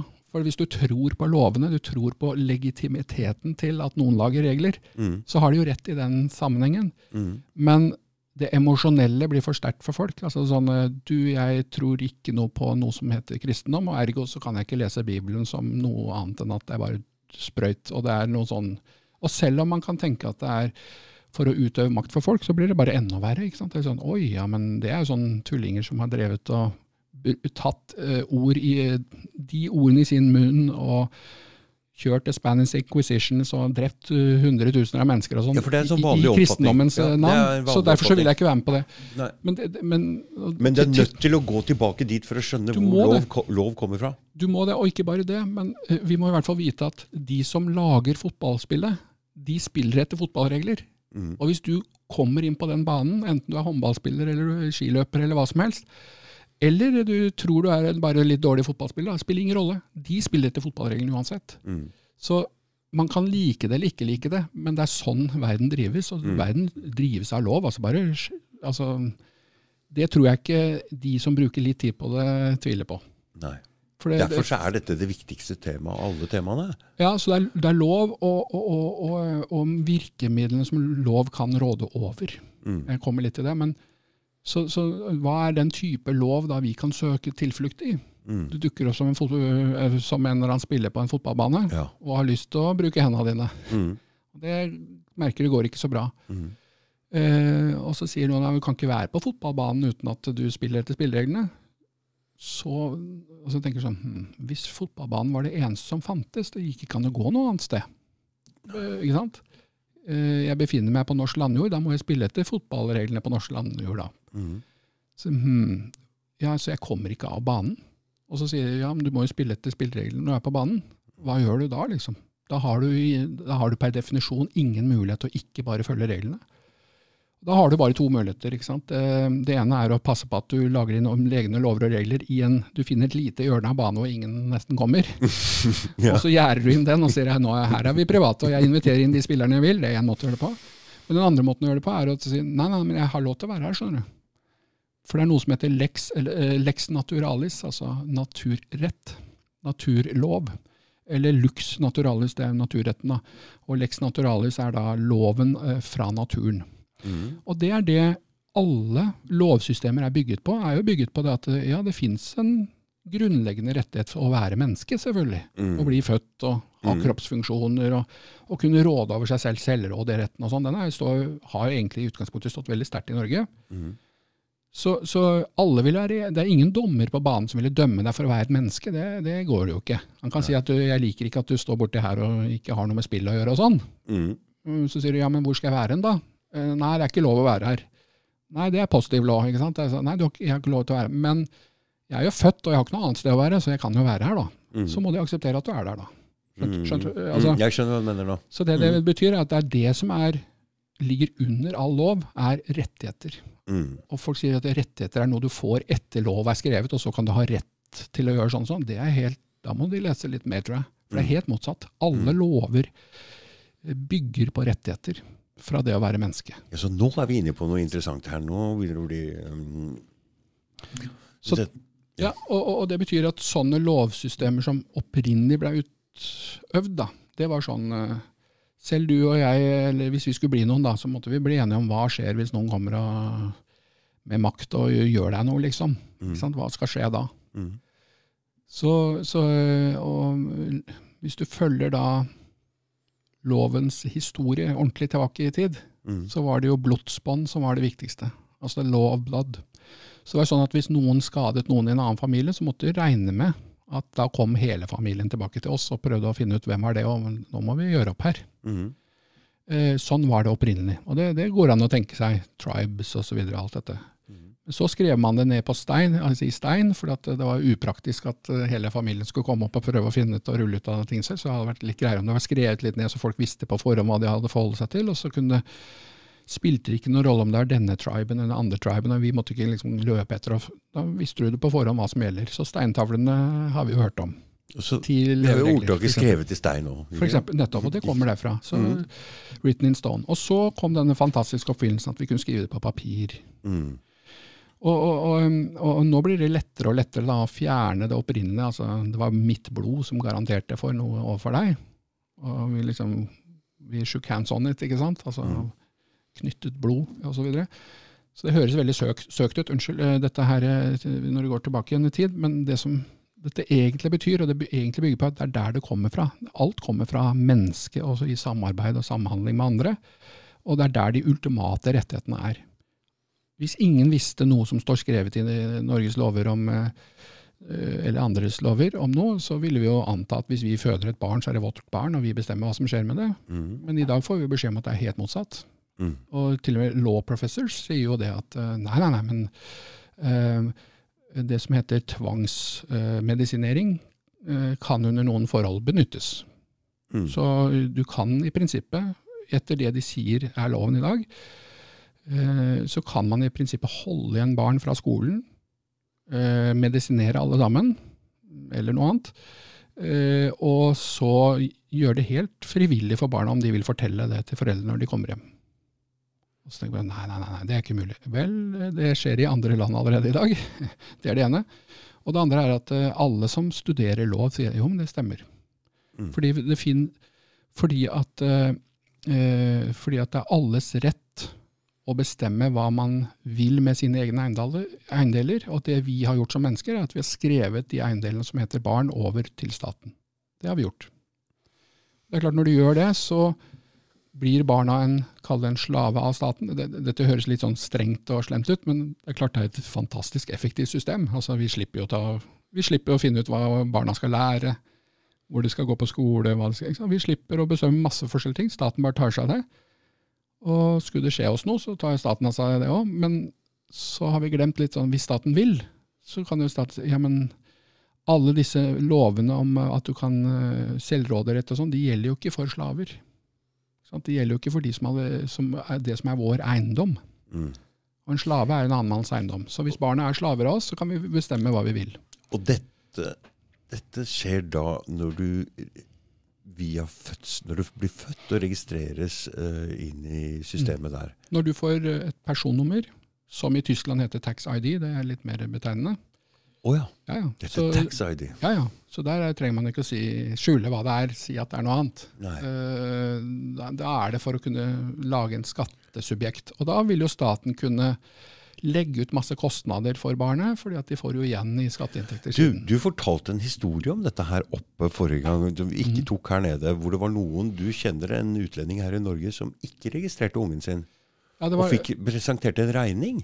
Ja, det er litt interessant, for det er to da som ikke er norske statsborgere, men som hadde lov til å være i norske riket. Ja. Eh, statusen går jeg ikke inn på, det kunne jo både være flyktning og asylsøker osv. Jeg gir ikke det. Men ne. poenget var at de fødte på et uh, norsk sykehus, Mm. et barn. Eh, og så syns jo de ikke det var noe særlig opportunt å signere at dette barnet blir staten Norges eiendom, for de har levd i andre kulturer hvor de vet at det er det som skjer. ja. Altså de, så de kunne jo stå i fare for, hvis de gjorde det, at barnet ble norsk eiendom, altså norsk statseiendom, og så måtte de bli sendt ut av landet Mm. uten barnet sitt. Mm. Fordi staten eide barnet Så deres. de visste om det på forhånd? Så de visste det. Ja. Mm. Eh, Så det de sa, da, at nei, da, da helt frivillig så skriver ikke dette barnet over på myndighetenes eh, ansvar og, og rettigheter. nei. Vi sier det lar vi være å signere på. Og legen kan jo egentlig ikke gjøre noe med det. Han kan jo ikke tvinge deg til å skrive under. Nei, eh, og så er det sånn at eh, nå er lover og regler kall over til å bli mer digitale, så nå går det automatisk, så du får ikke det valget lenger snart. Så nå må du gjøre det motsatte. Nå er det default at det, det blir statens barn, bare det er født på et norsk sykehus osv. Mm. Men, men denne historien, da. Så hva skjer da når de sier nei takk, vi gjør ikke det, vi. Da sender sykehuset en regning på 250 000 kroner Fordi det for koster fødselen. For det ja. koster jo selvfølgelig staten. Klart det. Ja, Mm, klart det. mm, mm. Så de tenkte at det ville jo skremme dem veldig fra Det ville vært mye bedre om de bare signerte at det barnet var under statens verge, da, Mm. eh, og ble statens eiendom. Men eh, de tenkte seg litt om. Så, ja, vi tror det er bedre for oss å kunne ta med barnet vårt hvis vi skulle bli sendt ut. Det er det Mm, ene, så mm, det, vi, det har vi lyst til. mm. Og det andre er, skulle vi bli, så er vel det mye billigere enn at barnet må skatte hele livet, Ja. tenkte de. ja, men la oss, så la oss tenkte de ikke så mye på hva de taper på det. Nordmenn ville nok tenkt mer på det. Sånn, å ja, men får jeg ikke da fødselspenger? Det er den første måten å fange deg på da, ikke sant. Ja, for du får Og, fødselspenger. ja, og så får du barnebidrag, og så får du gratis opplæring opp, opplæring eller utdanning og barnehage. og så- eller, så er jo ingen av disse tingene helt gratis heller, da. Men Mm. de tenkte bare sånn, ja, men det er vi villige til, fordi vi heller står frie til hva vi gjør med Men mener du da, hvis du ikke registrerer ungen din, uh, uh, hvordan da blir det med barnehageplass? Nei. Eh, Hvordan blir det med eh, skoleplass? Foreløpig har jeg ikke sett noen tegn på at det ikke lar seg gjøre. Det går helt fint. Men, eh, men eh, Så du har sett eksempler Ja, ja. på dette i andre Ja, ja. land? Mm. Ja, ikke bare i andre land, i Norge. Oh, ja. I Norge òg? Men, mm. men eh, det er klart at um, man må jo være forberedt på at hvis plutselig reglene skulle bli sånn på fotballbanen at du, du får ikke lov til å spille håndball eller være eh, skiutøver på fotballbanen, så, så må du bare være forberedt på det. da. Du må si ok, men uh, istedenfor å betale 4500 kroner i måneden på SFO for å ha litt eh, barnehagetid etter skoletiden, så vil jeg heller betale for en heldagsskole som koster 2800 kroner i måneden. Du hørte hva jeg sa nå. Det, man er veldig redd for å miste den rettigheten, men det var faktisk bare halve prisen å sørge for det privat. For, det finnes, for det finnes privatskoler, selvfølgelig. Selvfølgelig gjør det det. Selvfølgelig gjør det det. Og selvfølgelig er det full rett, eh, full rett til å lage, lage egne barnehager og skoler. Det er full rett etter. Mm. For barn trenger jo kontakt med andre barn. ikke sant? Det er ja. det viktigste av alt. Det er masse som heter familiebarnehage, det har du sikkert hørt om. Det Ja. er familier som Og så igjen, da, så kan man jo fanges inn i fotballspillet likevel, ved at eh, eh, reglene for å spille fotball også sier at du, du kan jo få noe igjen for hvert barn du melder, da. Mm. Så kan du få litt støtte hver måned. Ja, ja. Men det er også helt frivillig, selvfølgelig. Du kan jo du kan, så, ja. så, lenge det er, eh, så lenge det ikke er statens eiendom, så kan du i prinsippet gjøre hva du vil med det. Mm. Men problemet er jo hvis det er statens eiendom, og det, det kommer vi litt tilbake igjen til kanskje i en annen prat. Eh, hvordan gjør man noe med det? Ja. Men uh, vi er jo langt inne i det som handler om språk nå, så kanskje det neste temaet The word, altså. altså Mm. The word is mightier than a sword. Og, altså, hvis man ønsker å forstå språk og hva betydning, så er det veldig fint å bruke engelsk. For at det er så mye tydeligere på engelsk, mange ting. For eksempel, eh, hvis du tar bort S-en i ordet sword, hva får du da? Da får du word. Da får du word. Mm. Sånn at, og dette er ikke tilfeldig. ikke sant? Engelsk er jo et, eh, veldig kreert språk. Mm. Da eh, lord Sir Francis Bacon ble født, Mm. så var det ingen viktige bøker eller verker i, i verken kunst eller eh, altså litteratur eh, eller, eller i lov som var skrevet på engelsk. Da var det skrevet på fransk veldig mye, og så også latin, da, som var da før fransk. liksom. Så French ble kalt, kalt dog latin, og så ble engelsk, når det ble lansert 1611 sammen med the King James version of the Bible, det ble liksom fasiten på hvordan det engelske språket skulle være og utøves. Hvilket årstall prater vi om her nå? Mm. Hvilket årstall? 1611. 16, så, uh, King okay. James version of the Bible, som sir Francis Bacon uh, Mange tenker på han som en filosof, men han var jo også chancellor of England. altså Han var jo dronningens uh, Det var han som drev hele riket. ikke sant? Så det, det, det er, Man må gjøre to søk for å finne det, da. Ett da bare finner du at han var en tenker og filosof, og kanskje mesteren bak Shakespeares verker og sånn. Men hvis du bare graver litt til, så finner du ut å ja, han var litt mektigere enn det. ja. Han var den som styrte England, på en måte. Så, så, øh, men, men, men poenget er at øh, Du, Kan jeg bare putte Ja. inn noe rart her? For jeg har jo det. hatt Det sa jeg litt til deg forrige gang òg. vi trodde jo det foredraget som vi var på, jeg og Barbro, skulle være en mandag før. Og etter det så dro vi Men det er jo Petter Amundsen holder jo foredrag om og, om Shakespeare og Francis Bacon og den skatten som ligger skjult på Oakley Island, ja. Ja, Mhm. og som kanskje den menoraen ligger, og der Mm. um, Altså og At det er en skatt der, det er helt sikkert. For det er brukt så lang tid på å gjemme den at det har vært mye folk uh, Mm. der. Og holdt på i mange, mange år. Og gravd disse tunneler og gravde noe fint der. Så hvordan kommer Francis Bacon og antageligvis menoraen og, og Men er ikke det, men er ikke det helt fantastisk at øh, det vi sitter og snakker om, at å, det er en stor skatt, det er en stor verdi som ligger der. Mm. Men jeg tenker litt sånn, ok, øh, ja, øh, det er mulig, og det hadde vært veldig fint. Men er det det viktigste? Det viktigste er å forstå at det han Amundsen gjorde med å finne alle kodene i, uh, i Shakespeares verker, At det er skjult. Eh, som ledet til at det var faktisk en skatt der. Mm. Det betyr at når du forstår veien der, så forstår du nesten hele hvordan verden henger sammen. nesten. Mm. Hvem som har skrevet Shakespeares verker, hvordan engelsk ble til, hvordan engelsk ble det språket som driver lov i verden i dag. Mm. Det er det som er the law language i dag. Sam, bygger vi veldig mye på latinske og franske ord og sånn, det vet vi jo. Men, men, men da sir Francis Bacon døde, da var jo nesten, Tenk deg hvor stor forandring det er. Da er liksom verdensspråket engelsk omtrent, altså. På, Mm. på én generasjon, altså. Ja. Mm. Og det er klart, eh, og da kommer det jo og Det er derfor er- engelsk er så fantastisk fint språk å se på når det gjelder å forstå ting. Eh, og Et lite eksempel på dette er jo ordet ja, Vi kan bruke ett eksempel. Si ordet 'soldier', f.eks. Vi ser, vi, Ja, for det er så Soul Dyer, sa du til meg forrige gang. ja, ja, så mm. På 1400-tallet, før liksom noen hadde ordna litt med det, da, så, så, så sto det faktisk skrevet som 'soul dyer'. Så det er så at du Så kan jo folk tenke selv hva det betyr. Og så er det ordet 'soul' i seg selv, hvis vi graver litt mer. Så sier soul jo, det er fotsåle. Ja, og hvorfor er det det ordet på fotsåle, når også det samme brukes på noe vi mener er litt sånn mer Kall det mer the spirit og man osv. Og hvorfor er det samme eh, ordet som brukes om det å være alene? Altså to be a soul proprietor, f.eks. Mm.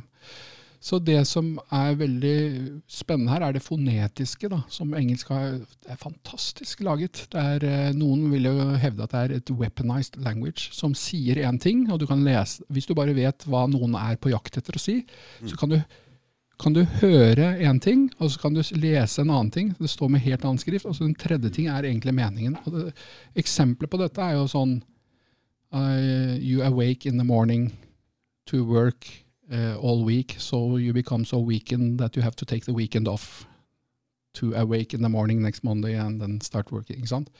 Og awake er jo det når, du går, når noen har dødd. ikke sant? Så skal du gå til en vake. Mm. Og morning er jo å sørge.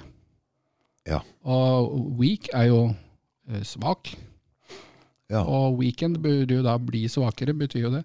Så, så det er veldig spesielt at man setter sammen ord på den måten. Og jeg, jeg tenkte, når jeg oppdaget det, så tenkte jeg så, det må jo bety at det engelske språk er skapt, altså skrevet sånn skal det være. Og det fant jeg, det er det jo. Og den prosessen på å innføre et nytt ord i det engelske språk er jo helt annerledes enn i Norge. Det er sånn the queen must sign, ikke sant. Dette er nye ord i det engelske språk. Ja, for i Norge er det helt fritt fram. Ja, det er sånn Ja, så sedvanegreier. Ja, det er liksom, så Hvis det har stått i en bok et eller annet sted som en eller annen ting, så kan det tas inn i hvert fall i, i, i kryssordboka. Kan du slå opp, det, det har blitt brukt en eller annen gang, dermed så er det et Ja. ord. Da se, så Det betyr at man kan ha da mennesker som går i samfunnet, som leser ting på en helt annen måte enn oss, og forstår hva det betyr. Fordi det, eh, I Blacks Law Dictionary så står det definert som å bety noe helt annet, selv om enten det skrives helt likt, eller bare lyder helt likt, som det vi vanligvis snakker. Og Et eksempel eh, som bekrefter dette, er at når en ny lov skal vedtas av altså Congress, eller altså Stortinget, eller, ikke sant? når det skal vedtas, så må det leses høyt. Hvorfor det? Oh, ja. Jo, fordi da skal du høre ordene. Det er det som er the spells. ikke sant? You put a spell. Eh, sånn at eh, hvordan det skrives, hvordan et ord skrives, er da ikke primærbetydningen, det er sekundærbetydningen. Så hvis du sier eh, soul, og så er det egentlig S-O-L-E, så hører ikke du forskjell på det eller S-O-U-L, eller, ikke sant? eller S-O-L-E. Altså det er tre forskjellige skrivemåter, men det er samme lyd. Så hva betyr dette egentlig? Det betyr sånn så hvis du da slo opp noe som eh, het f.eks. Uh, Are you the resident of this house? Så tenkte jeg ja, det betyr jo er det jeg som bor her, tenker du. ikke sant? Eh, men i Blacks Law Dictionary så står det hva en resident er. Hva er det? Og eh, det består av tre stavelser, eh, hvor hver stavelse betyr noe. Når jeg har sagt det, så vet du selv hva det er. Res, det er ordet for ting på latin. ID, det vet du allerede hva er. Det er Mm. identiteten, eller tilstanden. da, ikke sant? Og ent, det er nåtidsendelsen på latin. Eh, er det denne tingen som nå er her? Det er det det da betyr. Og Hvis du da sier ja til det, og ikke vet hva resident betyr, så kan du behandles som en ting og ikke som et menneske. Du skjønte hva jeg mente nå? Mm, mm, Så da ser du hvordan lovspråk kan være helt weaponized. mm. Og når du da blir innkalt til voter registration, som, man, som skjer hvert år i Storbritannia eh, Jeg skjønte ikke helt hva som traff meg. Når, jeg Oi, skal vi, har vi ikke, er vi ikke registrert fra før? Mhm. Men jeg reagerte jo litt på at det sto på konvolutten så sto det 'to the occupier of this house'. Og så tenkte jeg sånn, occupier, da må jeg slå opp det i Black Laws Dictionary, og da sto det at det er en som ikke har rett til å være der. Ja, for de, de, Altså- vi har jo ordet husokkupant. Ja, jo, ikke sant? Og så sier en som ikke har rett til å være der, ja, ok. Så hvis jeg åpner det brevet, så aksepterer jeg at jeg ikke har rett til å være der. Det er det det betyr. For det står ikke mitt navn på det. står, det står ikke navnet ditt på, skjønner du. Det står bare 'to the occupier'. Og jeg så jo at alle andre rundt i nabolaget hadde fått samme type brev, og det er 'occupier' på. Så vi, gjør, så vi gjør mange ting som vi ikke tenker over, og vi Ja, åpner brev som vi ikke Så det jeg gjorde i dette tilfellet, og det var, jeg syns jo det var litt morsomt, for da kunne jeg spille the game. Ja. For da, da, lata jeg som jeg aldri åpnet det brevet, men det gjorde jeg selvfølgelig. Ja, for du, Nå skjønner jeg hva du mener. for Du kommer inn som en, fra et helt annet samfunn og Ja. ser ting på en annen måte. Og, det, og det er sånn barn ser verden. Ja, ja, det blir det, sånn. Man skal være som et barn. Man Ja. Mm. skal spørre hele tiden. Hva er, hvem er du? Er, hvorfor, hvorfor får jeg dette? Hva er dette? Ja. Så hvis, du bare går med på ting, så er det ja, Du antar ting. Det er presumption. ja, ja, Du eh, gjør, til på de andre, og så gjør du som de andre, bare.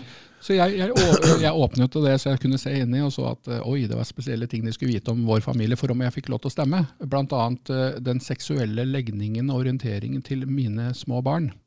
Det, det var det tre spørsmål om inni der for å få lov til å være voter in the UK election. Ja. Nå var jeg litt heldig, for som nordmann så har du ikke lov til å stemme i UK. Hvis jeg var EU-borger, så hadde jeg hatt lov til det Mm. den gangen. Mm. Nå kan du tenke deg hva skjer da hvis eh, det, det sto jo varsel om at du kunne få 1000 pund i bot hvis du ikke svarte på dette her, mm. og at det ville komme noen på døra og oppsøke deg. Og i Storbritannia så er det ikke sånn, det gjør de ikke. Det gjør de. Ja. Så jeg visste at det kom til å komme en sånn kar en dag, så bare får jeg håpe at jeg er hjemme akkurat da. Ja. Og jeg hadde jo flaks, for jeg var hjemme da. Så det banker på døren, og så er det en kar som kommer, og så kommer han med en sånn eh, lapp rundt halsen, og så er det sånn voter registration official og sånn og sånn. Ja. Og så sier han, are you, uh, did you receive the letter? Sier han for voter registration, og sier nei, det, det kan jeg ikke skjønne hva du mener. Mhm. Jo, jo, du må jo ha fått sånn, sånn I don't du- du- understand, var det du sa? ja, ja. Eh, eh, Mener du til meg? Og så, ja, ja. Nei, jeg har ikke fått noe sånt brev med navnet mitt på. Oh, no, no, no. It was uh, addressed to the occupier. Og så, oh, to the occupier, sa jeg. My mother told me that opening someone else's letter is a, is a, uh, is a capital offense. Mhm. Uh, punishable by years in prison. Mm. So I never opened that letter because it wasn't addressed to me. Og du skulle sett trynet på mannen. Han visste akkurat oh, ja. hva jeg snakka om. Han sa at uh, Could I just as a service to me, sånn, uh, could I ask what, uh, what nationality are you? I said Norwegian. Han sa oh. Å, så glad jeg ble nå. og så sier han da Lucky me, lucky you. You're not eligible to vote anyways. Ja. Men det morsomme er at uh, året etter jeg flytter fra det huset, så hører jeg med uh, nestemann som bor der. Mm. Og da har man jo fått et brev til, selvfølgelig, som akkurat likt. Mm. Og da står det ikke 'to the occupier' lenger. vet du. Nei. Da har de valgt et annet uh, ord. Så da heter det 'to the householder'. Så de bytter. Jo, for at knyttet til disse tingene, så vil de tvinge til ulike typer ting i lov. Det er der, ikke sant? Og jeg har ikke tid til å ta alt ennå. Mm. Men det er klart, hvis du blir definert som occupier, du har akseptert at du er occupier, så kan du bli sendt off uh, British soil anytime they want. Mm. Der, Ja, vi kan ha okkupanter her. Nei, nettopp. Okkupanter har ikke lov til å være der. Nei. Du vil aldri få greie på at det er akkurat sånn de tenkte og gjorde det. Mm. Men du har jo allerede akseptert at du var en occupier bare med å åpne brevet. Hvis du er en householder, så er det andre ansvar du kan ha da. Så ved hvert valg Det høres litt bedre ut. Householder. hørtes litt bedre ut. Er det bedre? Jeg kan godt hende at han, eh, han som bodde der etter meg, var mye bedre. Da. Det vet ikke jeg nå. Men, eh, men jeg antar at det er samme navn på alles konvolutter. Ja. Men nå, øh, nå er det lett å forstå, da, altså hvis det kan ha konsekvenser for deg, og det har det jo, ikke sant? Mm. Eh, Så enkle ting. Mm. Så må vi være oppmerksomme, ikke sant? Men det er ikke like lett å slå opp i Blacks Law Dictionary når det kommer på norsk. Nei, og, og, og det er det ikke. Så det er to måter jeg dealer med det på. Det ene er at jeg prøver å finne ut uh, liksom sånn, hva er den engelske ekvivalenten, for det er det veldig lett å se. Ja. Som Mm, for eksempel ordet uh, Hvis du sier um, uh, det første politiet spør deg, eller, eller dommeren spør deg, eller noe sånt noe, i, i en eller annen i forbindelse med en eller annen offense, eller noe, så sier de 'do you understand Mm. the claim made against you', eller noe sånt. Mm. Og hvis du sier ja til det, så then I stand under Mm. their authority. Da har du volunteered. For de sa det til deg. Do you understand? Do you stand under me? Mm.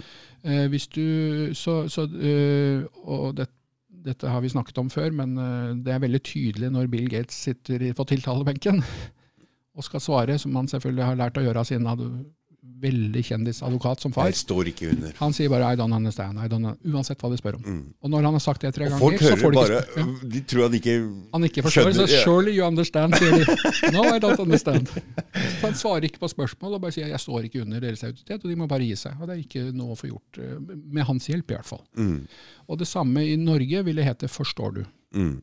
Forstår du den tiltalen som er, er eh, Så det du skal bare svare Jeg forstår ikke. og, og det betyr altså stå foran. Det betyr sånn du står foran presten, du står foran dommeren, du står foran sant? Du står foran en autoritetsperson. Det er det det betyr i Norge, da. Mm. Så man skal være litt nøye på ord og sånn. Mm. og hva man sier ja til og nei. og Det er derfor jeg sier no, altså NO, men også KNOW, er det viktigste ordet i det engelske språket. Og I Norge så blir det jo litt rart å si det viktigste ordet er nei å forstå. Eller, eller øh, ikke forstå engang, men øh, hva blir det riktige ordet på norsk? Jeg har ikke det på norsk. Men øh, når man ikke kan bruke ordet forstå, så må man bruke et annet ord. På engelsk bruker man da comprehend, f.eks. Mm. Det er noe helt annet.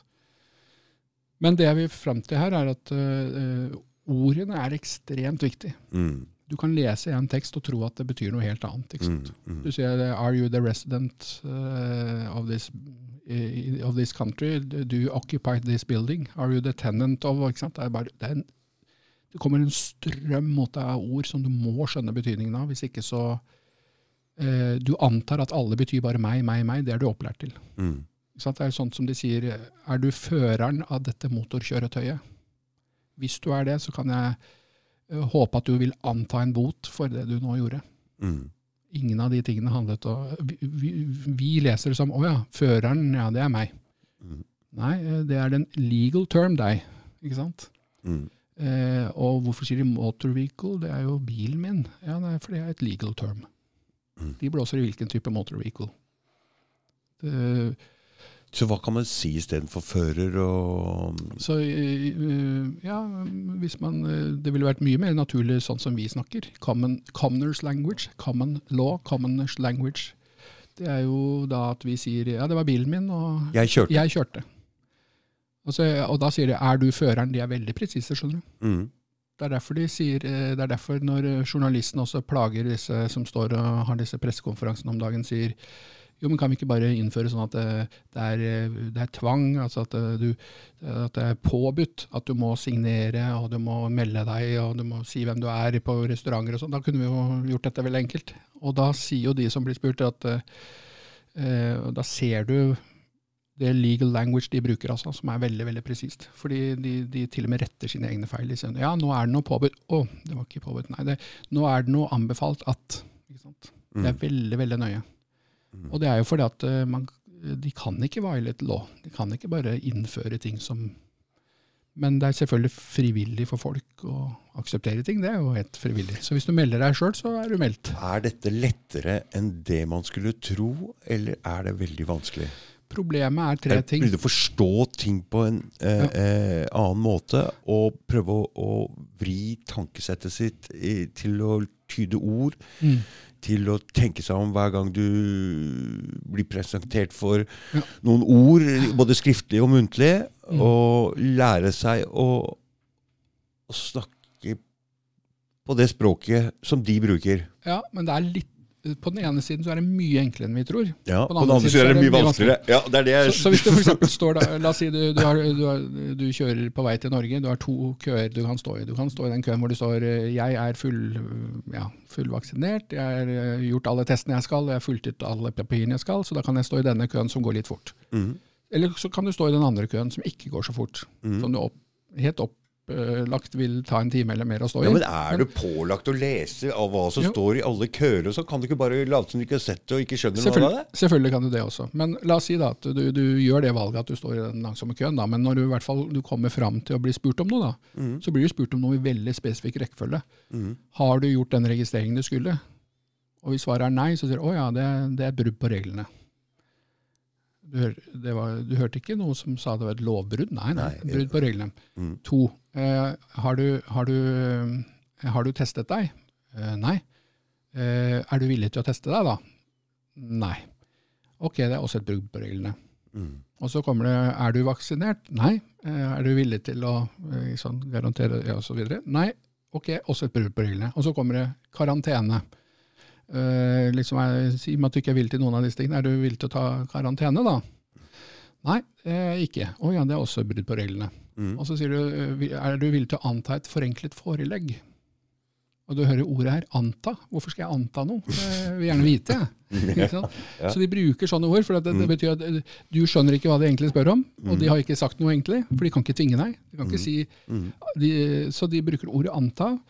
Og hvis du da sier nei, så å nei, ok, da er det ikke det, da. Men vil du da, vil du da akseptere eh, at du har begått et, lov, eh, et, brudd på reglene? Så nei, det har jeg ikke tenkt å akseptere. Nei. Å nei, Så men erkjenner du da straffskyld? Mm. Du hører jeg. Mm, mm, mm, Anta, eh, akseptere, erkjenne straffskyld. Nei, det gjør jeg ikke. Å nei.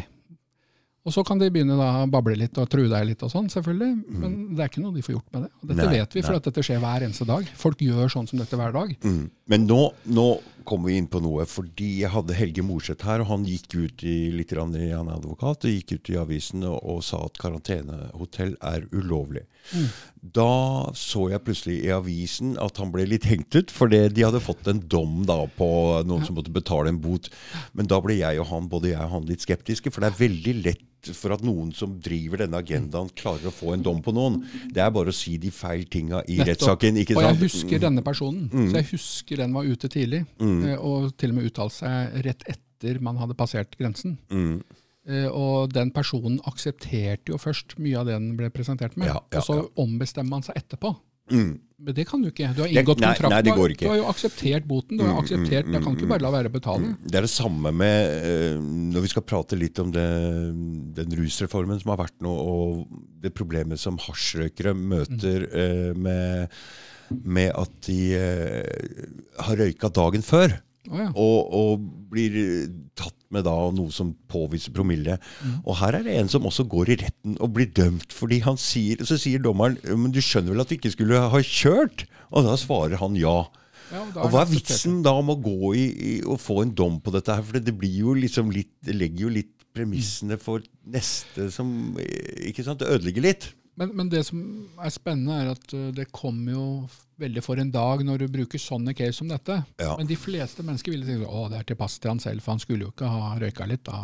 skulle? Så, så, men det handler egentlig ikke om det. Det handler jo om at uh, du kan bli dømt for hva som helst hvis ikke du vet uh, hva du driver med. Det er helt riktig. Og, og, det er jo helt lov, altså etter naturretten også. Du har full rett til å lage hvilke kontrakter og akseptere hva du vil. Mm. Så lenge det ikke skader helt tredjepersoner, så kan du jo det. Mm. til og med så du kan akseptere hvis noen sier 'jeg vil kutte av deg fingeren', så ja, hei, vær så god, liksom. Mm. Så ja, Det er jo ditt valg, det. Det kan du gjøre. Mm.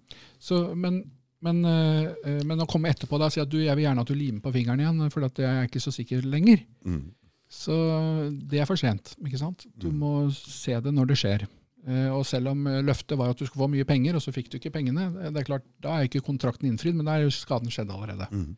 Det er jo litt interessant, for jeg får jo sånne reisebrev fra Marius Reikerås hele tida nå. Han reiser jo verden Ja. rundt hele tiden, og det er ikke noe Hvis du har tida til hjelp, så kan du gjøre hva du vil, så lenge du vet hva du ikke må si ja til. mm. Men det er det- som er problemet, at eh, du blir lokket til å si ja til nesten alt. Mm. Og for å unngå litt smerte eller uleilighet. Mm. Og så tror man at jo, jo, men det er bare forbigående. Det er, det. det er derfor de sa two weeks lockdown, så er vi ferdig med det. Du, For det, De kunne ikke sagt dette er forever, men det er forever.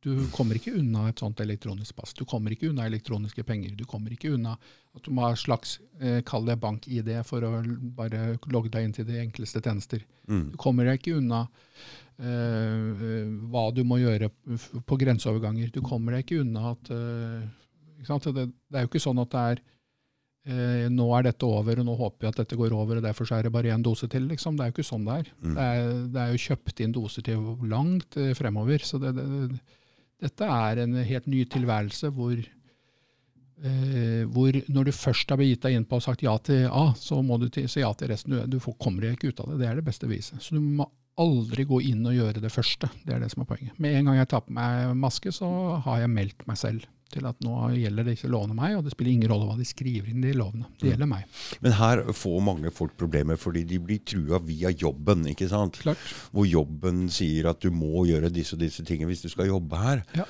Og nå har vi jo fått uh, kontrakt, jobbkontrakter som er mye løsere enn det vi har. Før hadde vi sterke rettigheter. når du, Mm. Ja. Mm. altså, Bare du hadde jobba der noen måneder, så måtte du ha et fast kontrakt, og det var nesten umulig å bli kvitt deg igjen. Ja.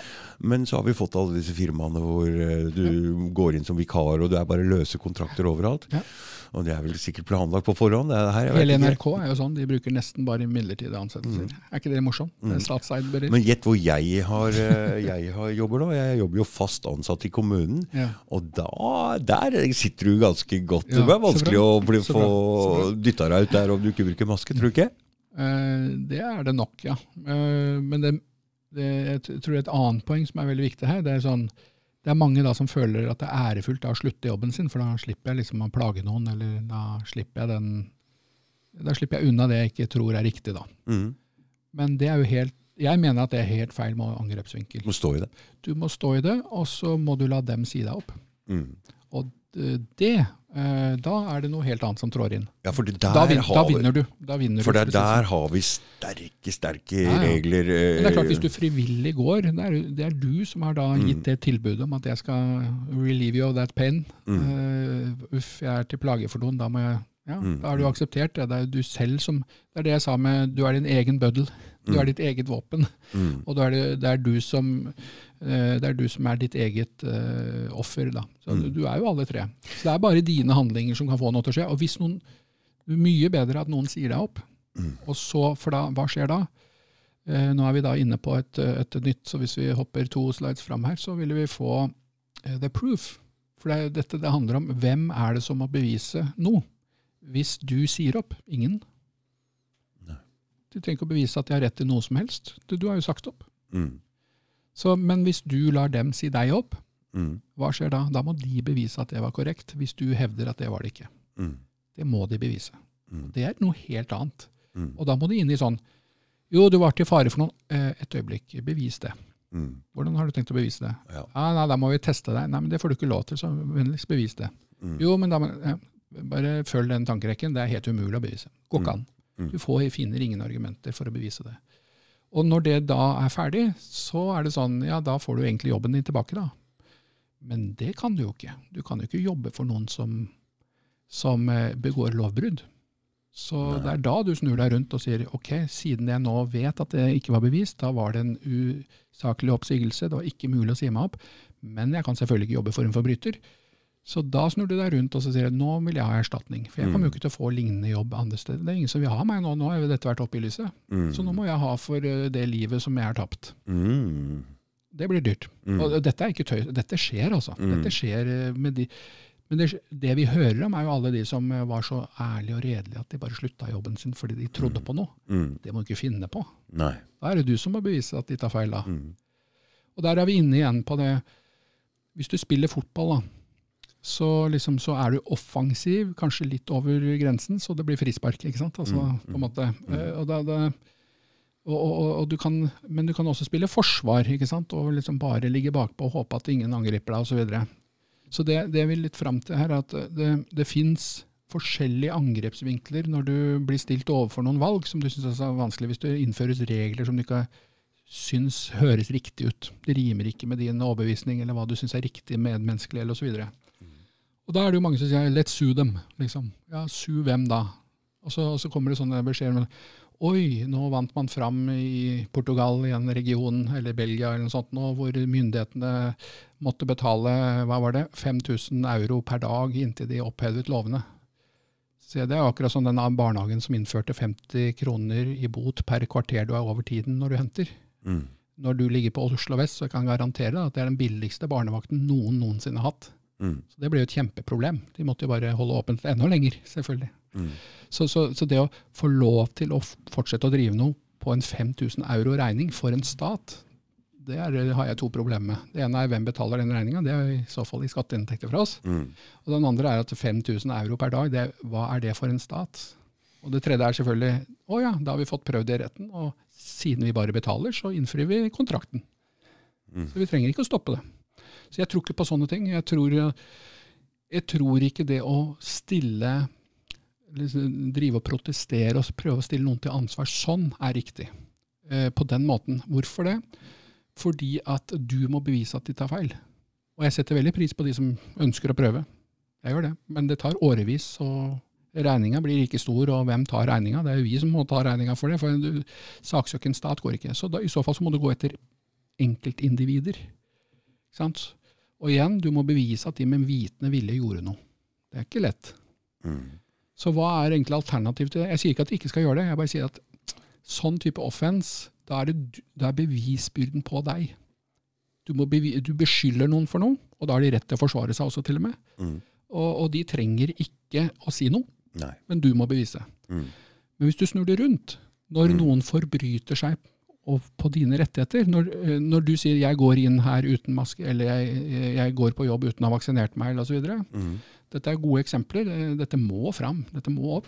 Mm. Og så er det de som da reduserer dine rettigheter pga. det. Mm. Da har de forbrutt seg på deg. Mm. Og da er det da du sier at dette er jeg ikke helt enig i. Eh, og hvis dere kan bevise at det dere mener stemmer, så stiller jeg meg eh, Da kan jeg stille meg annerledes til det, men foreløpig har jeg ikke sett noen bevis og bevis at dere kan gjøre sånn. Mm. Og da snur bevisbyrden. Da er det de som må bevise at dette er riktig tiltak. Det er de som må bevise at du ikke har rett til å gjøre som du vil, osv. osv. Men, men igjen så jo, har jo folk veldig dårlige kontrakter nå. Og de aller fleste er ikke fast ansatt, og da er det lett å bli kvitt deg, ikke sant? Eh, eh, Nå er vi inne på det aller viktigste temaet av alt, egentlig. og det er at eh, Så lenge folk er redde, så er det nest, da får du til nesten hva som helst. Ja. Så enten du er redd for Gud eller loven eller eh, naboen eller eh, jobben eller barna, eller, så det spiller ingen rolle. Er du redd, så zupp, da er du da er du smal i valgene dine og hva du tør å gjøre. Mm. Og blir du redd, så skjer det én ting til. De fleste fryser. De sier du, jeg vet ikke hva jeg skal gjøre. Mm. Det eneste jeg sier nå, er at å gå til angrep på noen sånn, sånn fluffy figure, det tror jeg ikke noe på. Nei. Eh, I så fall må det være helt navngitte personer, og så må du ha gode bevis. Eh, Men det motsatte er mye mer effektivt. Si nei når du kan. Ikke sant? Mm. Si, ja, det er fint dere sier det, men det tror jeg ikke gjelder meg. Så må Du- de faktisk bevise at det gjelder deg, og det Ja. er noe helt annet. Jeg skal bare fortelle en morsom historie, og det er at jeg har en sønn som alltid har sagt nei. Ja. Han bare, Det er det eneste ord, det, det ordet han kan han eh, veldig godt. Han har meldt seg litt ut av samfunnet nå, men skulle ønske sånne folk som han eh, var med. For han er veldig god. Bare, han, vi skal, han skulle på Hudøy, og så kom han læreren bort og skulle ta han i hånda, og så presenterte han seg. Og han sa bare nei. og bare gikk. Og jeg tenkte, eh, Først reagerte vi på det, men etterpå jeg syns det er en så fin, eh, bra måte, for han ville ikke. Nei. Han vil ikke, vil ikke ha noe med det å gjøre, og det syns jeg er innafor.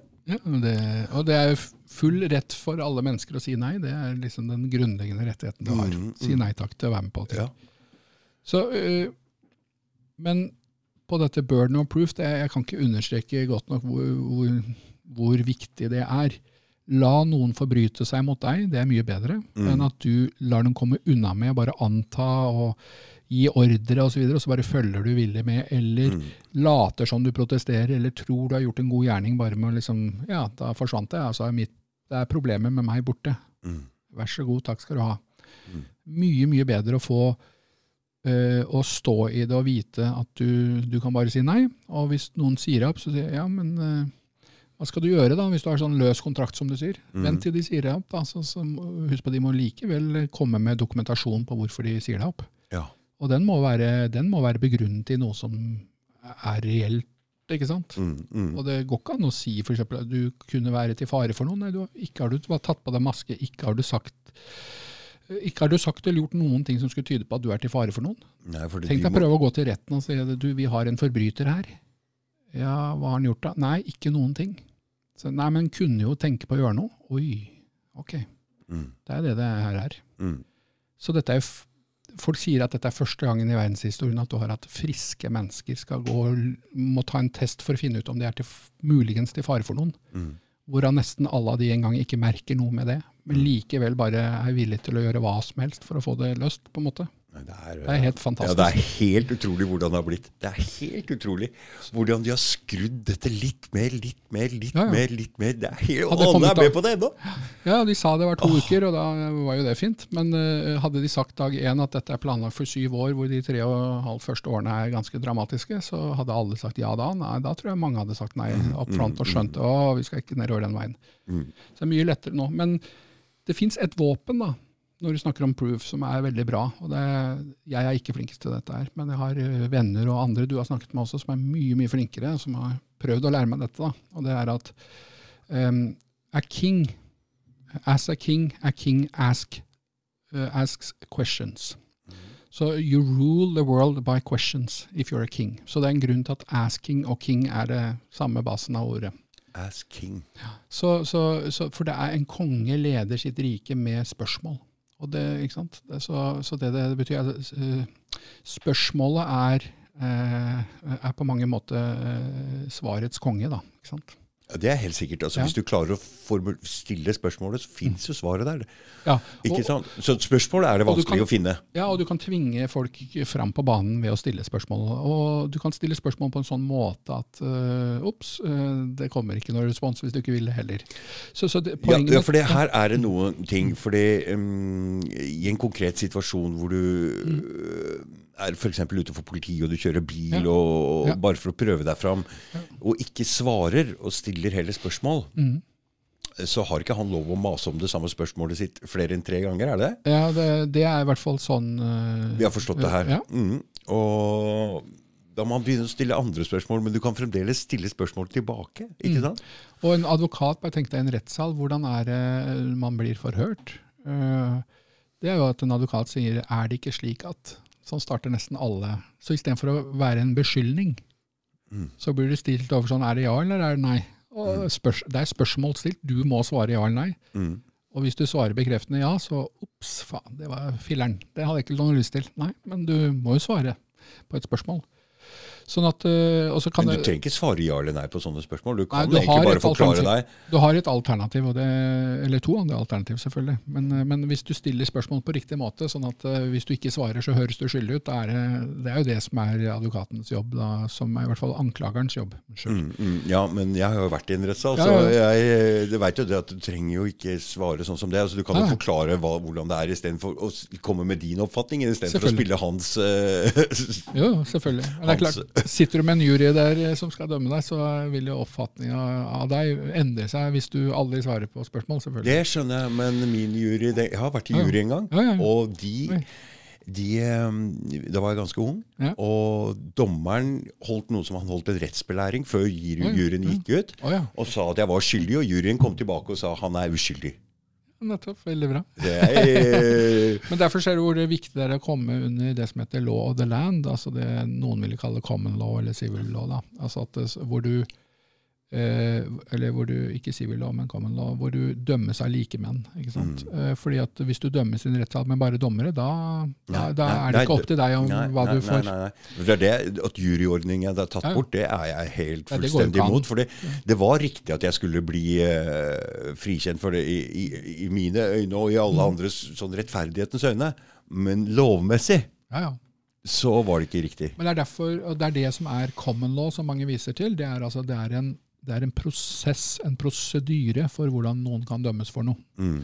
Uh, og den er veldig viktig, og det skjønner jeg at det er veldig viktig. For der, der kan du få sånn Du kan ha tatt livet av noen, men du kan frifinnes for det. Mm. Fordi at omstendighetene gjør at ja, men det, det, selvfølgelig ville alle gjort det i samme situasjon, og det kan, man kan ikke lastes for sånn og sånn. Mm. Mens hvis det bare er paragrafer, og det står sånn drept, eh, altså overlagt drap sånn og sånn, ja, men da er det den dommen, og så er det sånn, og da er det ferdig. Mm. Da har du ingen måte av, Og dette blir enda verre, for nå blir jo dette en eh, artificial intelligence-teknologi Mm. Mm. som dømmer deg. Det, jo, men dit går vi. Og Ja, og det, det er vi er allerede der. Og det, er, ja, og det merker du nå når du skal prøve å ringe et kontor. eller Det er nesten Ja. umulig å snakke med folk. Men for meg så er det veldig lett å komme og Når jeg får snakke med noen, Mm. er det lett. Ja, ja, Men det andre systemgreiene Prøv å få tak i, i foretaksregisteret eller Altinn eller et så står det vi svarer ikke, nå er det ikke vi som svarer på henvendelser, det er automatisk. Og så får du masse feil hele tiden. Mm. Og hvis ikke du svarer og får tak i noen og får uh, løst det, Mm. så går det bare videre til rett av trekk på kontoen til styreformann, liksom. Hvis ikke, ikke skjønner du? Mm. Det, hvordan skal du få til Ja, vi drev her og skulle fylle ut med det, brødrene mine og jeg, noe kartverk og hvem Ja. som eide hva, og leilighet, og vi sendte inn og sendte inn. Men til slutt så måtte jeg bare få tak i noen der oppe som måtte bare si akkurat hva jeg skulle fylle inn. Vi klarte ikke. Nei, nei, nei. nei. Men, men så der er det så det, det, det proof, altså Tenk på hvem har bevisbyrden. Det er det jeg tenker, mente med det temaet her. Da. Mm, mm, Altså at uh, Det er mye bedre at noen ha, har bevisbyrden mot deg, istedenfor det motsatte. Mm. Du blir anklaget for noe eller stilt sant, overfor noe. Så la dem eh, kjøre på. Mm. Men, eh, men eh, det er de som må serve, servere bevis. Mm, mm, Så eksempel får jeg et krav om noe, altså en sånn regning som jeg ikke tror jeg egentlig Nei, det kan vel ikke stemme. Eller eh, når man eh, holder på i næringslivet, så kan det hende at man må være med på sånn konkursrunder og greier og sånn. Og det er klart, eh, det, det skjer jo alle og enhver hvis de har mange nok selskaper under beltet. mm. Eh, og da er det veldig viktig sånne ting som det her, for at de prøver da å pinne kostnader på en eller annen. ikke sant? Mm. Eh, Og bare fordi du hadde en rolle, så selv om det overhodet ikke var deg, og ingen kan laste deg, så vil de bare prøve å finne hvem skal ha regninga. Men jeg tror jeg har begynt å tenke litt sånn, ja, fordi bare i den leiligheten her så har vi kjellerboder under her, og de hører med fra når det ble bygd her, hvor vi var et byggelag. Og de, har liksom, de bor jo 500 meter borti gata der. Nå er det noen som har kjøpt ut de bodene.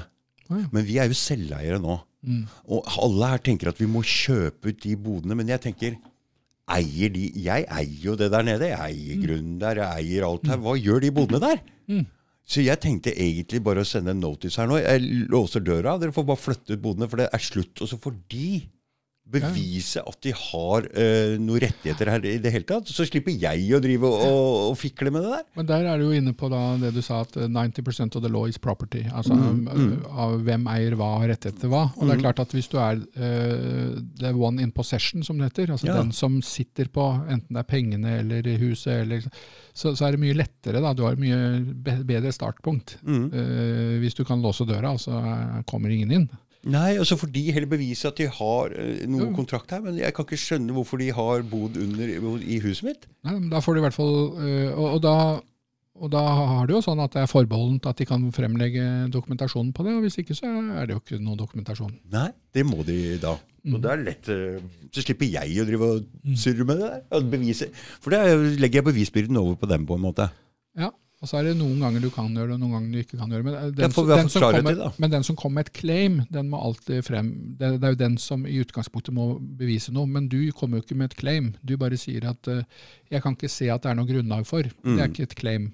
Eh, Så hvis kontrakten eksisterer som uh, gjør at det ser ut som de har en kontrakt, så er det jo klart, da, da må du komme med en claim at den syns jeg ikke er Ja, gyldig. men da hvis det er låser det du låser opp døra igjen. da. Da må du låse opp døra. Jo, men eh, vi, vi må stand in honor in all our dealings. mm, mm. Jeg tenkte Hvis vi hopper tilbake bare til det forrige tema med the goals Jeg tror ikke vi skal bruke så mye tid på det, men, men øh, disse tider nå hvor frykt er veldig sterk altså Jeg, jeg skjønte ikke helt hva det er mange som snakka om det, sikkert mye mer voksne enn meg, som sa det at det er frykten som dreper, det er frykten som eh, ødelegger for oss, og frykten som Jeg skjønte ikke helt hva de mente, men jeg tror jeg skjønner hva de mener nå. Mm. Eh, Bare du får sådd litt frykt eh, for å tape noe, eller for, å, for helsa di, eller for jobben din, eller anseelsen din, eller et eller annet sånt, et eller Ja, annet sånt bare sånn ja. liten sånn frykt, så bare skjer det helt ekstreme ting. Mm. Eh, Det går jo bare an å gå inn på soverommet til noen, og så eh, la oss si at vi kunne titte inn på soverommet. Når det foregikk noe der, så kunne du bare så litt frykt i en mann, så kan du se hva som skjer. Det er veldig vanskelig å eh, utøve noe som du føler du har råderett over, hvis du bare har litt frykt. Da, bare, da blir du fort limp, som det heter. Mm. Altså, det er veldig vanskelig å gjøre noe som du har lyst til, hvis du har frykt. Mm. Det er veldig lite som skal til. Så for eksempel eh, så kan det sikkert være noen sånn av, avarter av det hvor det, noen syns det er veldig gøy, men, det, men det, det kan jeg ikke så mye om. Men eh, Jeg bruker litt ekstreme eksempler her nå, merker jeg. Men, eh, men det med frykt Jeg tror at det vi kommer tilbake til, at, og det jeg møter med meg selv, med min egen familie og med andre jeg snakker med, venner osv., det er at det virker som ikke vi veit hva vi vil. Og det er klart, Hvis vi ikke vet hva vi vil, så blir det vanskelig. Mm. Jeg kan bruke et eksempel. Jeg, var en gang på, skulle på et møte til IBM ute på Rosenholm, eller hva det er, Rosenhoff, eller hva det er, Rosenholm, er det det heter? Der da- er, der, Ja, ja, der sant? er jeg vært om natta, det. Ja, Om natta, ja. Det høres ut. Og da skulle jeg ta en, ja, ja, men da skulle jeg ta en taxi, da. Mm. Så jeg hopper i en taxi, og så kjører vi av gårde. Og så syns jeg det ser ut som vi er litt på avveie, da, for jeg tror jeg mer sånn noenlunde jeg visste hvor det var hen. Mm. Dette er mange år siden, da, så ser jeg at du, eh, unnskyld, eh, nå skjønner jeg at det er noe som skjer her. Altså, vet du ikke hvor vi skal? Og så sier taxisjåføren, eh, en av våre, han var jo litt fersk landsmann sannsynligvis, men han sa ja, ja, ja. Jo, jo, jeg vet hvor vi skal, men jeg vet ikke hvor jeg er. Det er klart at det er et utrolig bra svar og bra bilde. Mm, mm. For han visste hvor han skulle, men han visste ikke hvor han var, og da vet han heller ikke hvordan han skal komme dit. Nei. Og det er litt sånn hvis vi ikke vet hvor vi kommer fra og har vært, altså noe om Mm. hvor dette her kommer fra, så blir vi veldig utrygge. Og hvis vi vært, men det er nesten enda verre da, hvis vi ikke vet hvor vi skal. Mm. Fordi at øh, da kommer vi jo dit, da. Så, så jeg var jo et levende eksempel på det. Hvis han ikke fant ut det, så kom jeg jo dit.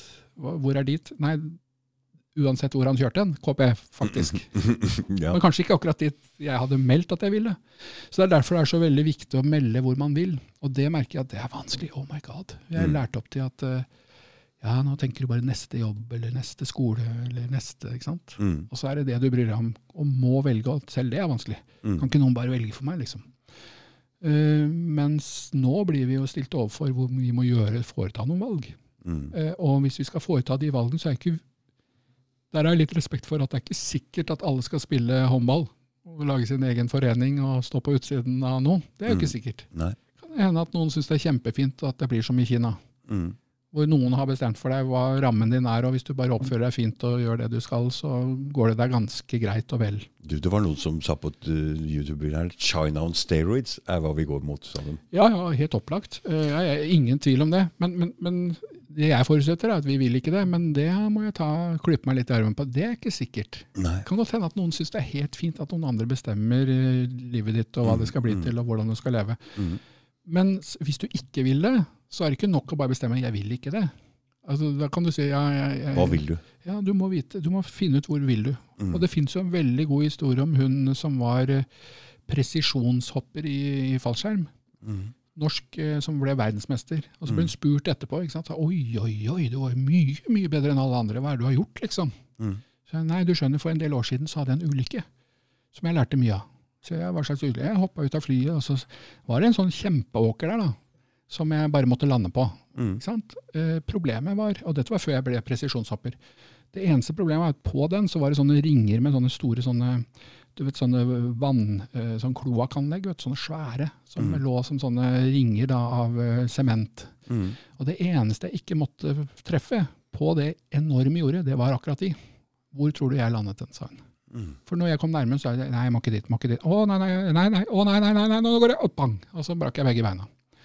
Så hun sa det hun lærte, var at det holder ikke å bare liksom sånn cirka på jordet. Du må si hva er punktet på jordet du skal treffe? For psyken er så sterk at det er det en fokuserer på, det er det det blir.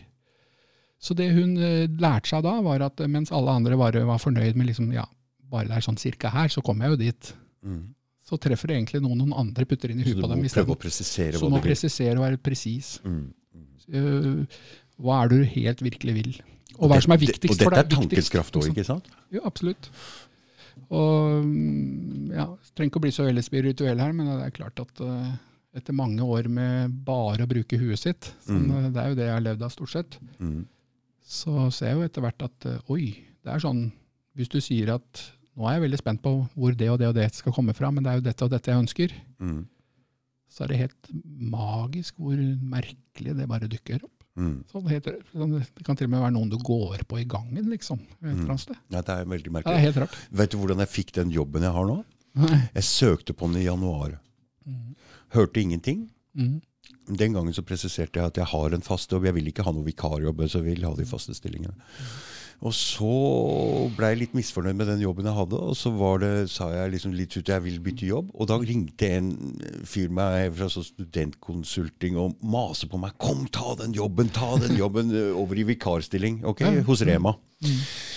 Og så møter jeg, når jeg er nesten ferdig med de syv-åtte ukene, da, så Mm. møter jeg en på butikken, og så spør jeg ja, jeg jobber med det, jeg jobber med det. Mm. Og så sa han jeg jobber og kjører søpla i kommunen. Jeg sa det er jo den jobben jeg vil ha. Det var den jobben jeg hadde søkt på. Mm. Så jeg dro ned der eh, dagen etterpå og skrev en kontrakt som vikar, for da hadde jeg ikke noe problem med å bli vikar, for da var jeg allerede vikar. Og så sier han til meg du, by the way, i morgen så går eh, den stillingen, eh, utlysningen på den stillingen der på ni faste stillinger ut i morgen. Men så sa jeg, ni faste stillinger, hva slags gjennomtrekk er det dere har her? Dere lyste jo ut ni faste stillinger i januar. Han sa det er de samme stillingene. Oi! Så ingen som ville ha jobben? Nei, ja, så vi hadde hatt feil i stillingsannonsen. Oh, ok. Skjønner du? Ja. Så da var jeg, plutselig kom jeg på intervju, så fikk jeg den Mm. jobben som jeg allerede hadde søkt på den gangen som jeg ville ha. Som jeg plutselig, så jeg måtte gå den veien. Så plutselig så hadde jeg den jobben jeg ville ha. Og det, altså, det syns jeg er veldig merkelig.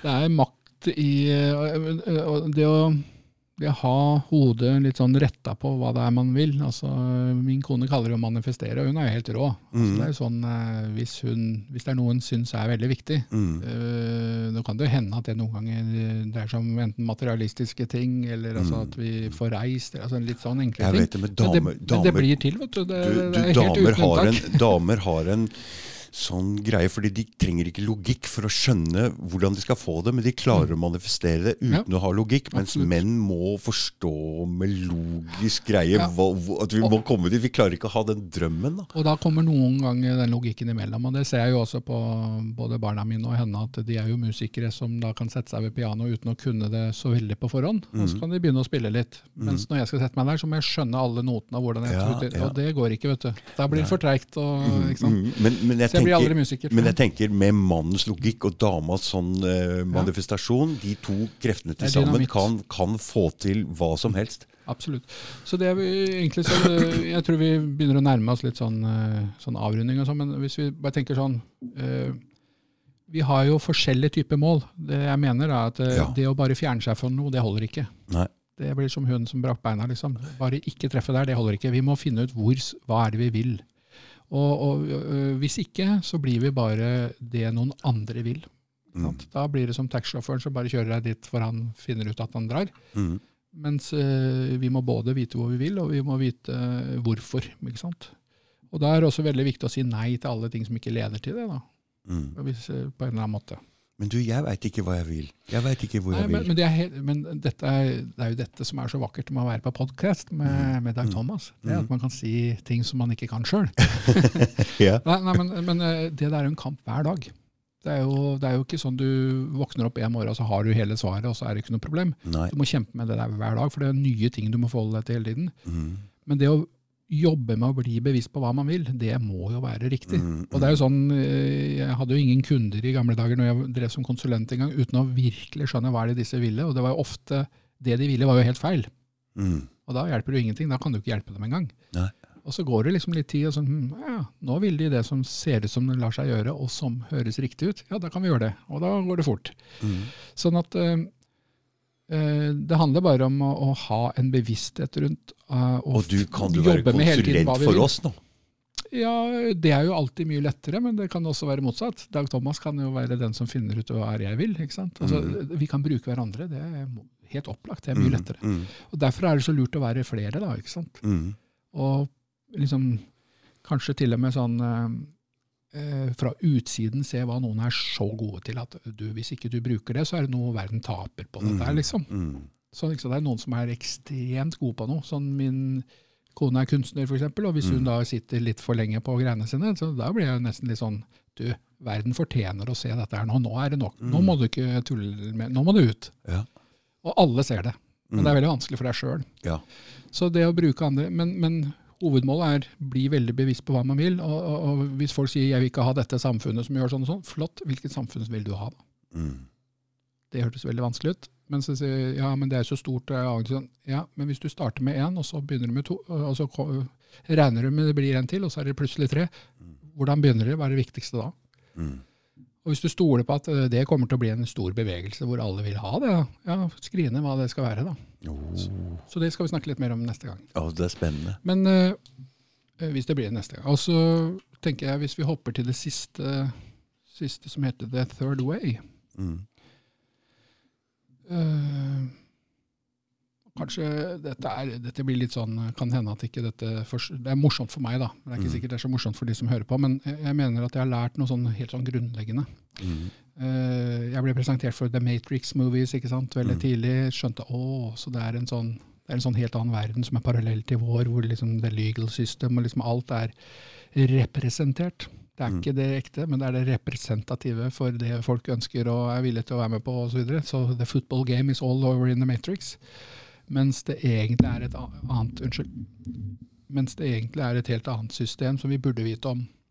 Og det presenteres som en sånn dualitet. sånn If you take the blue pill, you go back to sleep, and, uh, and when you wake up in the morning, you're none, none the wiser, but uh, uh, ignorant to whatever is, uh, life is about. Uh, og det ville jo de fleste velge hvis de fikk et valg. Mm. Jeg tøyser ikke nå, altså, det er jeg helt sikker på. De fleste ville velge å være ignorant og ha et bra liv med lite smerte. Heller enn å være milorg, liksom. Være de som går under eh, og risikerer livet sitt, selv om de vet hva sannheten er, osv.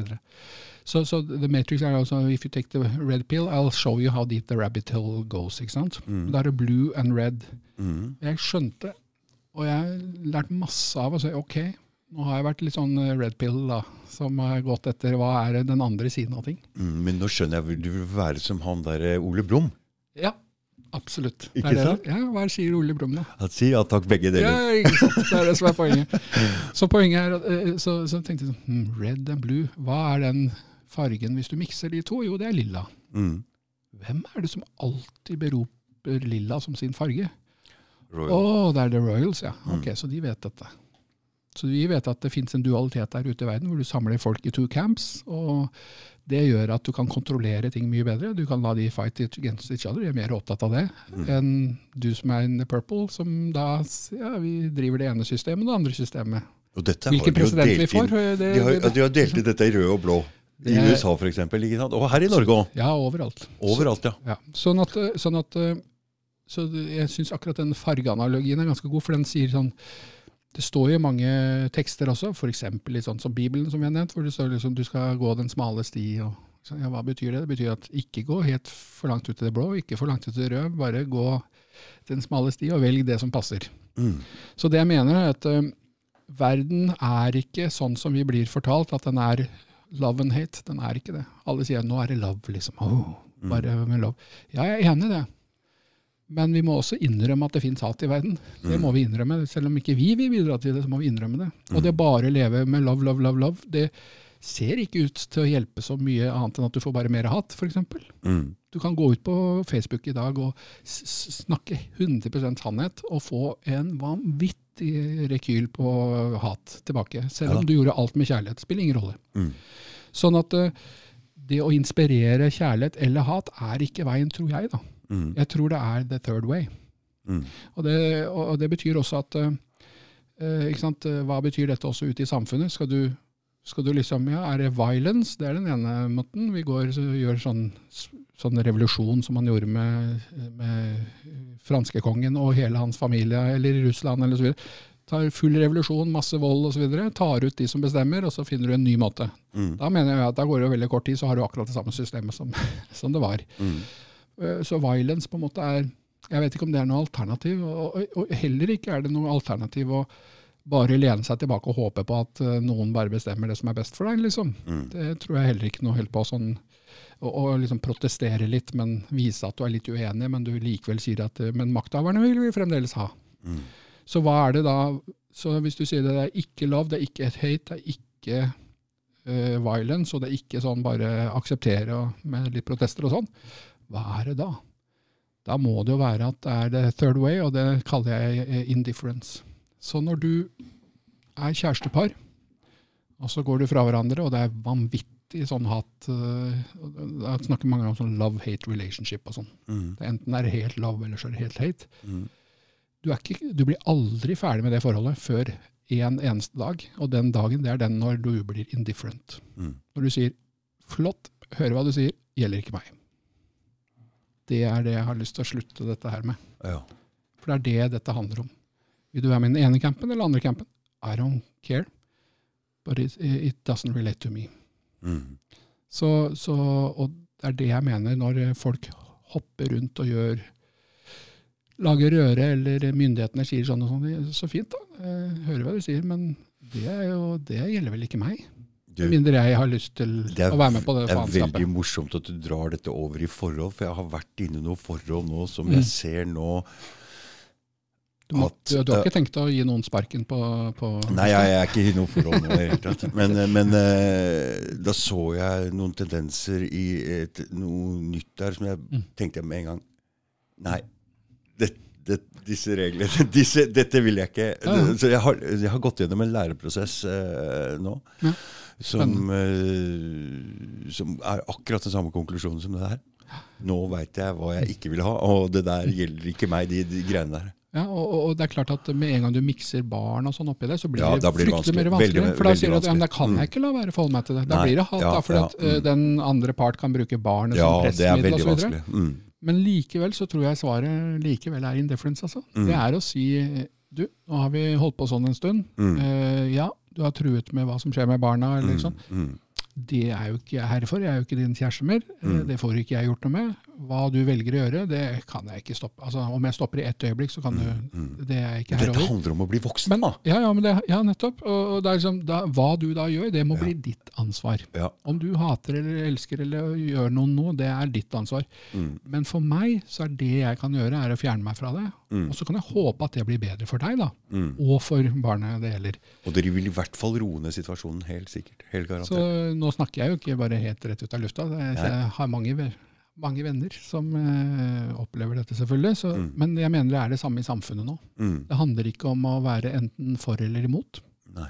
Det handler om å si Vet du hva, i mitt liv så gjelder ikke for eller mot meg. Det, det er noe helt annet som gjelder, og det bestemmer jeg. Mm. Det er ikke laget for meg, Mm. verken for hat eller kjærlighet, og jeg har ikke noe behov for å henge ut noen. Kjempe Det var veldig bra Ja, på slutt der. Nei, jeg håper Men, eh, men jeg, ja, jeg har jo samme følelsen som deg. At det Mm. føles man da, selv om man er nesten over halvveis i livet, vil jeg nesten si, Mm, mm. så er det sånn Ja, jeg er i ferd med å bli voksen. Og jeg skjønner det. Ja, ja, da, for da kan du sette regler for deg sjøl. Ja. Og du kan velge hva du ikke vil og ikke trenger. Men det er vanskelig, for du må ta ansvar.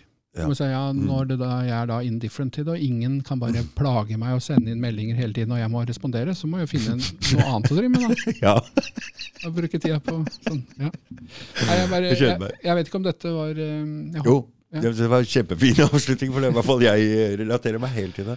Og så høres det ut som litt løse regler, men å bore litt nedover i disse tror jeg og du eh, det, det finnes jo mer der det kommer fra. holdt jeg på å si. Ikke, ikke, men det som er viktig, er at jeg har i hvert fall veldig bruk for med mine venner å snakke om disse temaene isolert. Mm. Og så tenke hva betyr det? Hvilket Mm. spill er det som foregår? Hva vil vi være del av? Hvilken burden of proof, og hva, hva betyr ord, og hva er lov? og hva, Hvilken makt har vi faktisk, og hvilke mål har vi med ting? Hva ønsker vi? Og Mm. ikke minst, eh, kan vi stå som den tredje veien? Mm. For det er den verden trenger nå. Mm. Den trenger ikke mer eh, hat. Den trenger ikke mer kjærlighet som eh, gir næring til hat. Mm. Sant? Mm. Den trenger eh, Men dette er episode to, ikke sant? Og vi, vi, vi tar en til. Ja, hvis uh, La oss eh, sove på det og se om jeg blir invitert tilbake. Ja, ja det gjør det. Ok. Takk for i dag. Uh, Ja. du. Takk, takk for i dag, Thomas. Okay. Ha det. Ha det.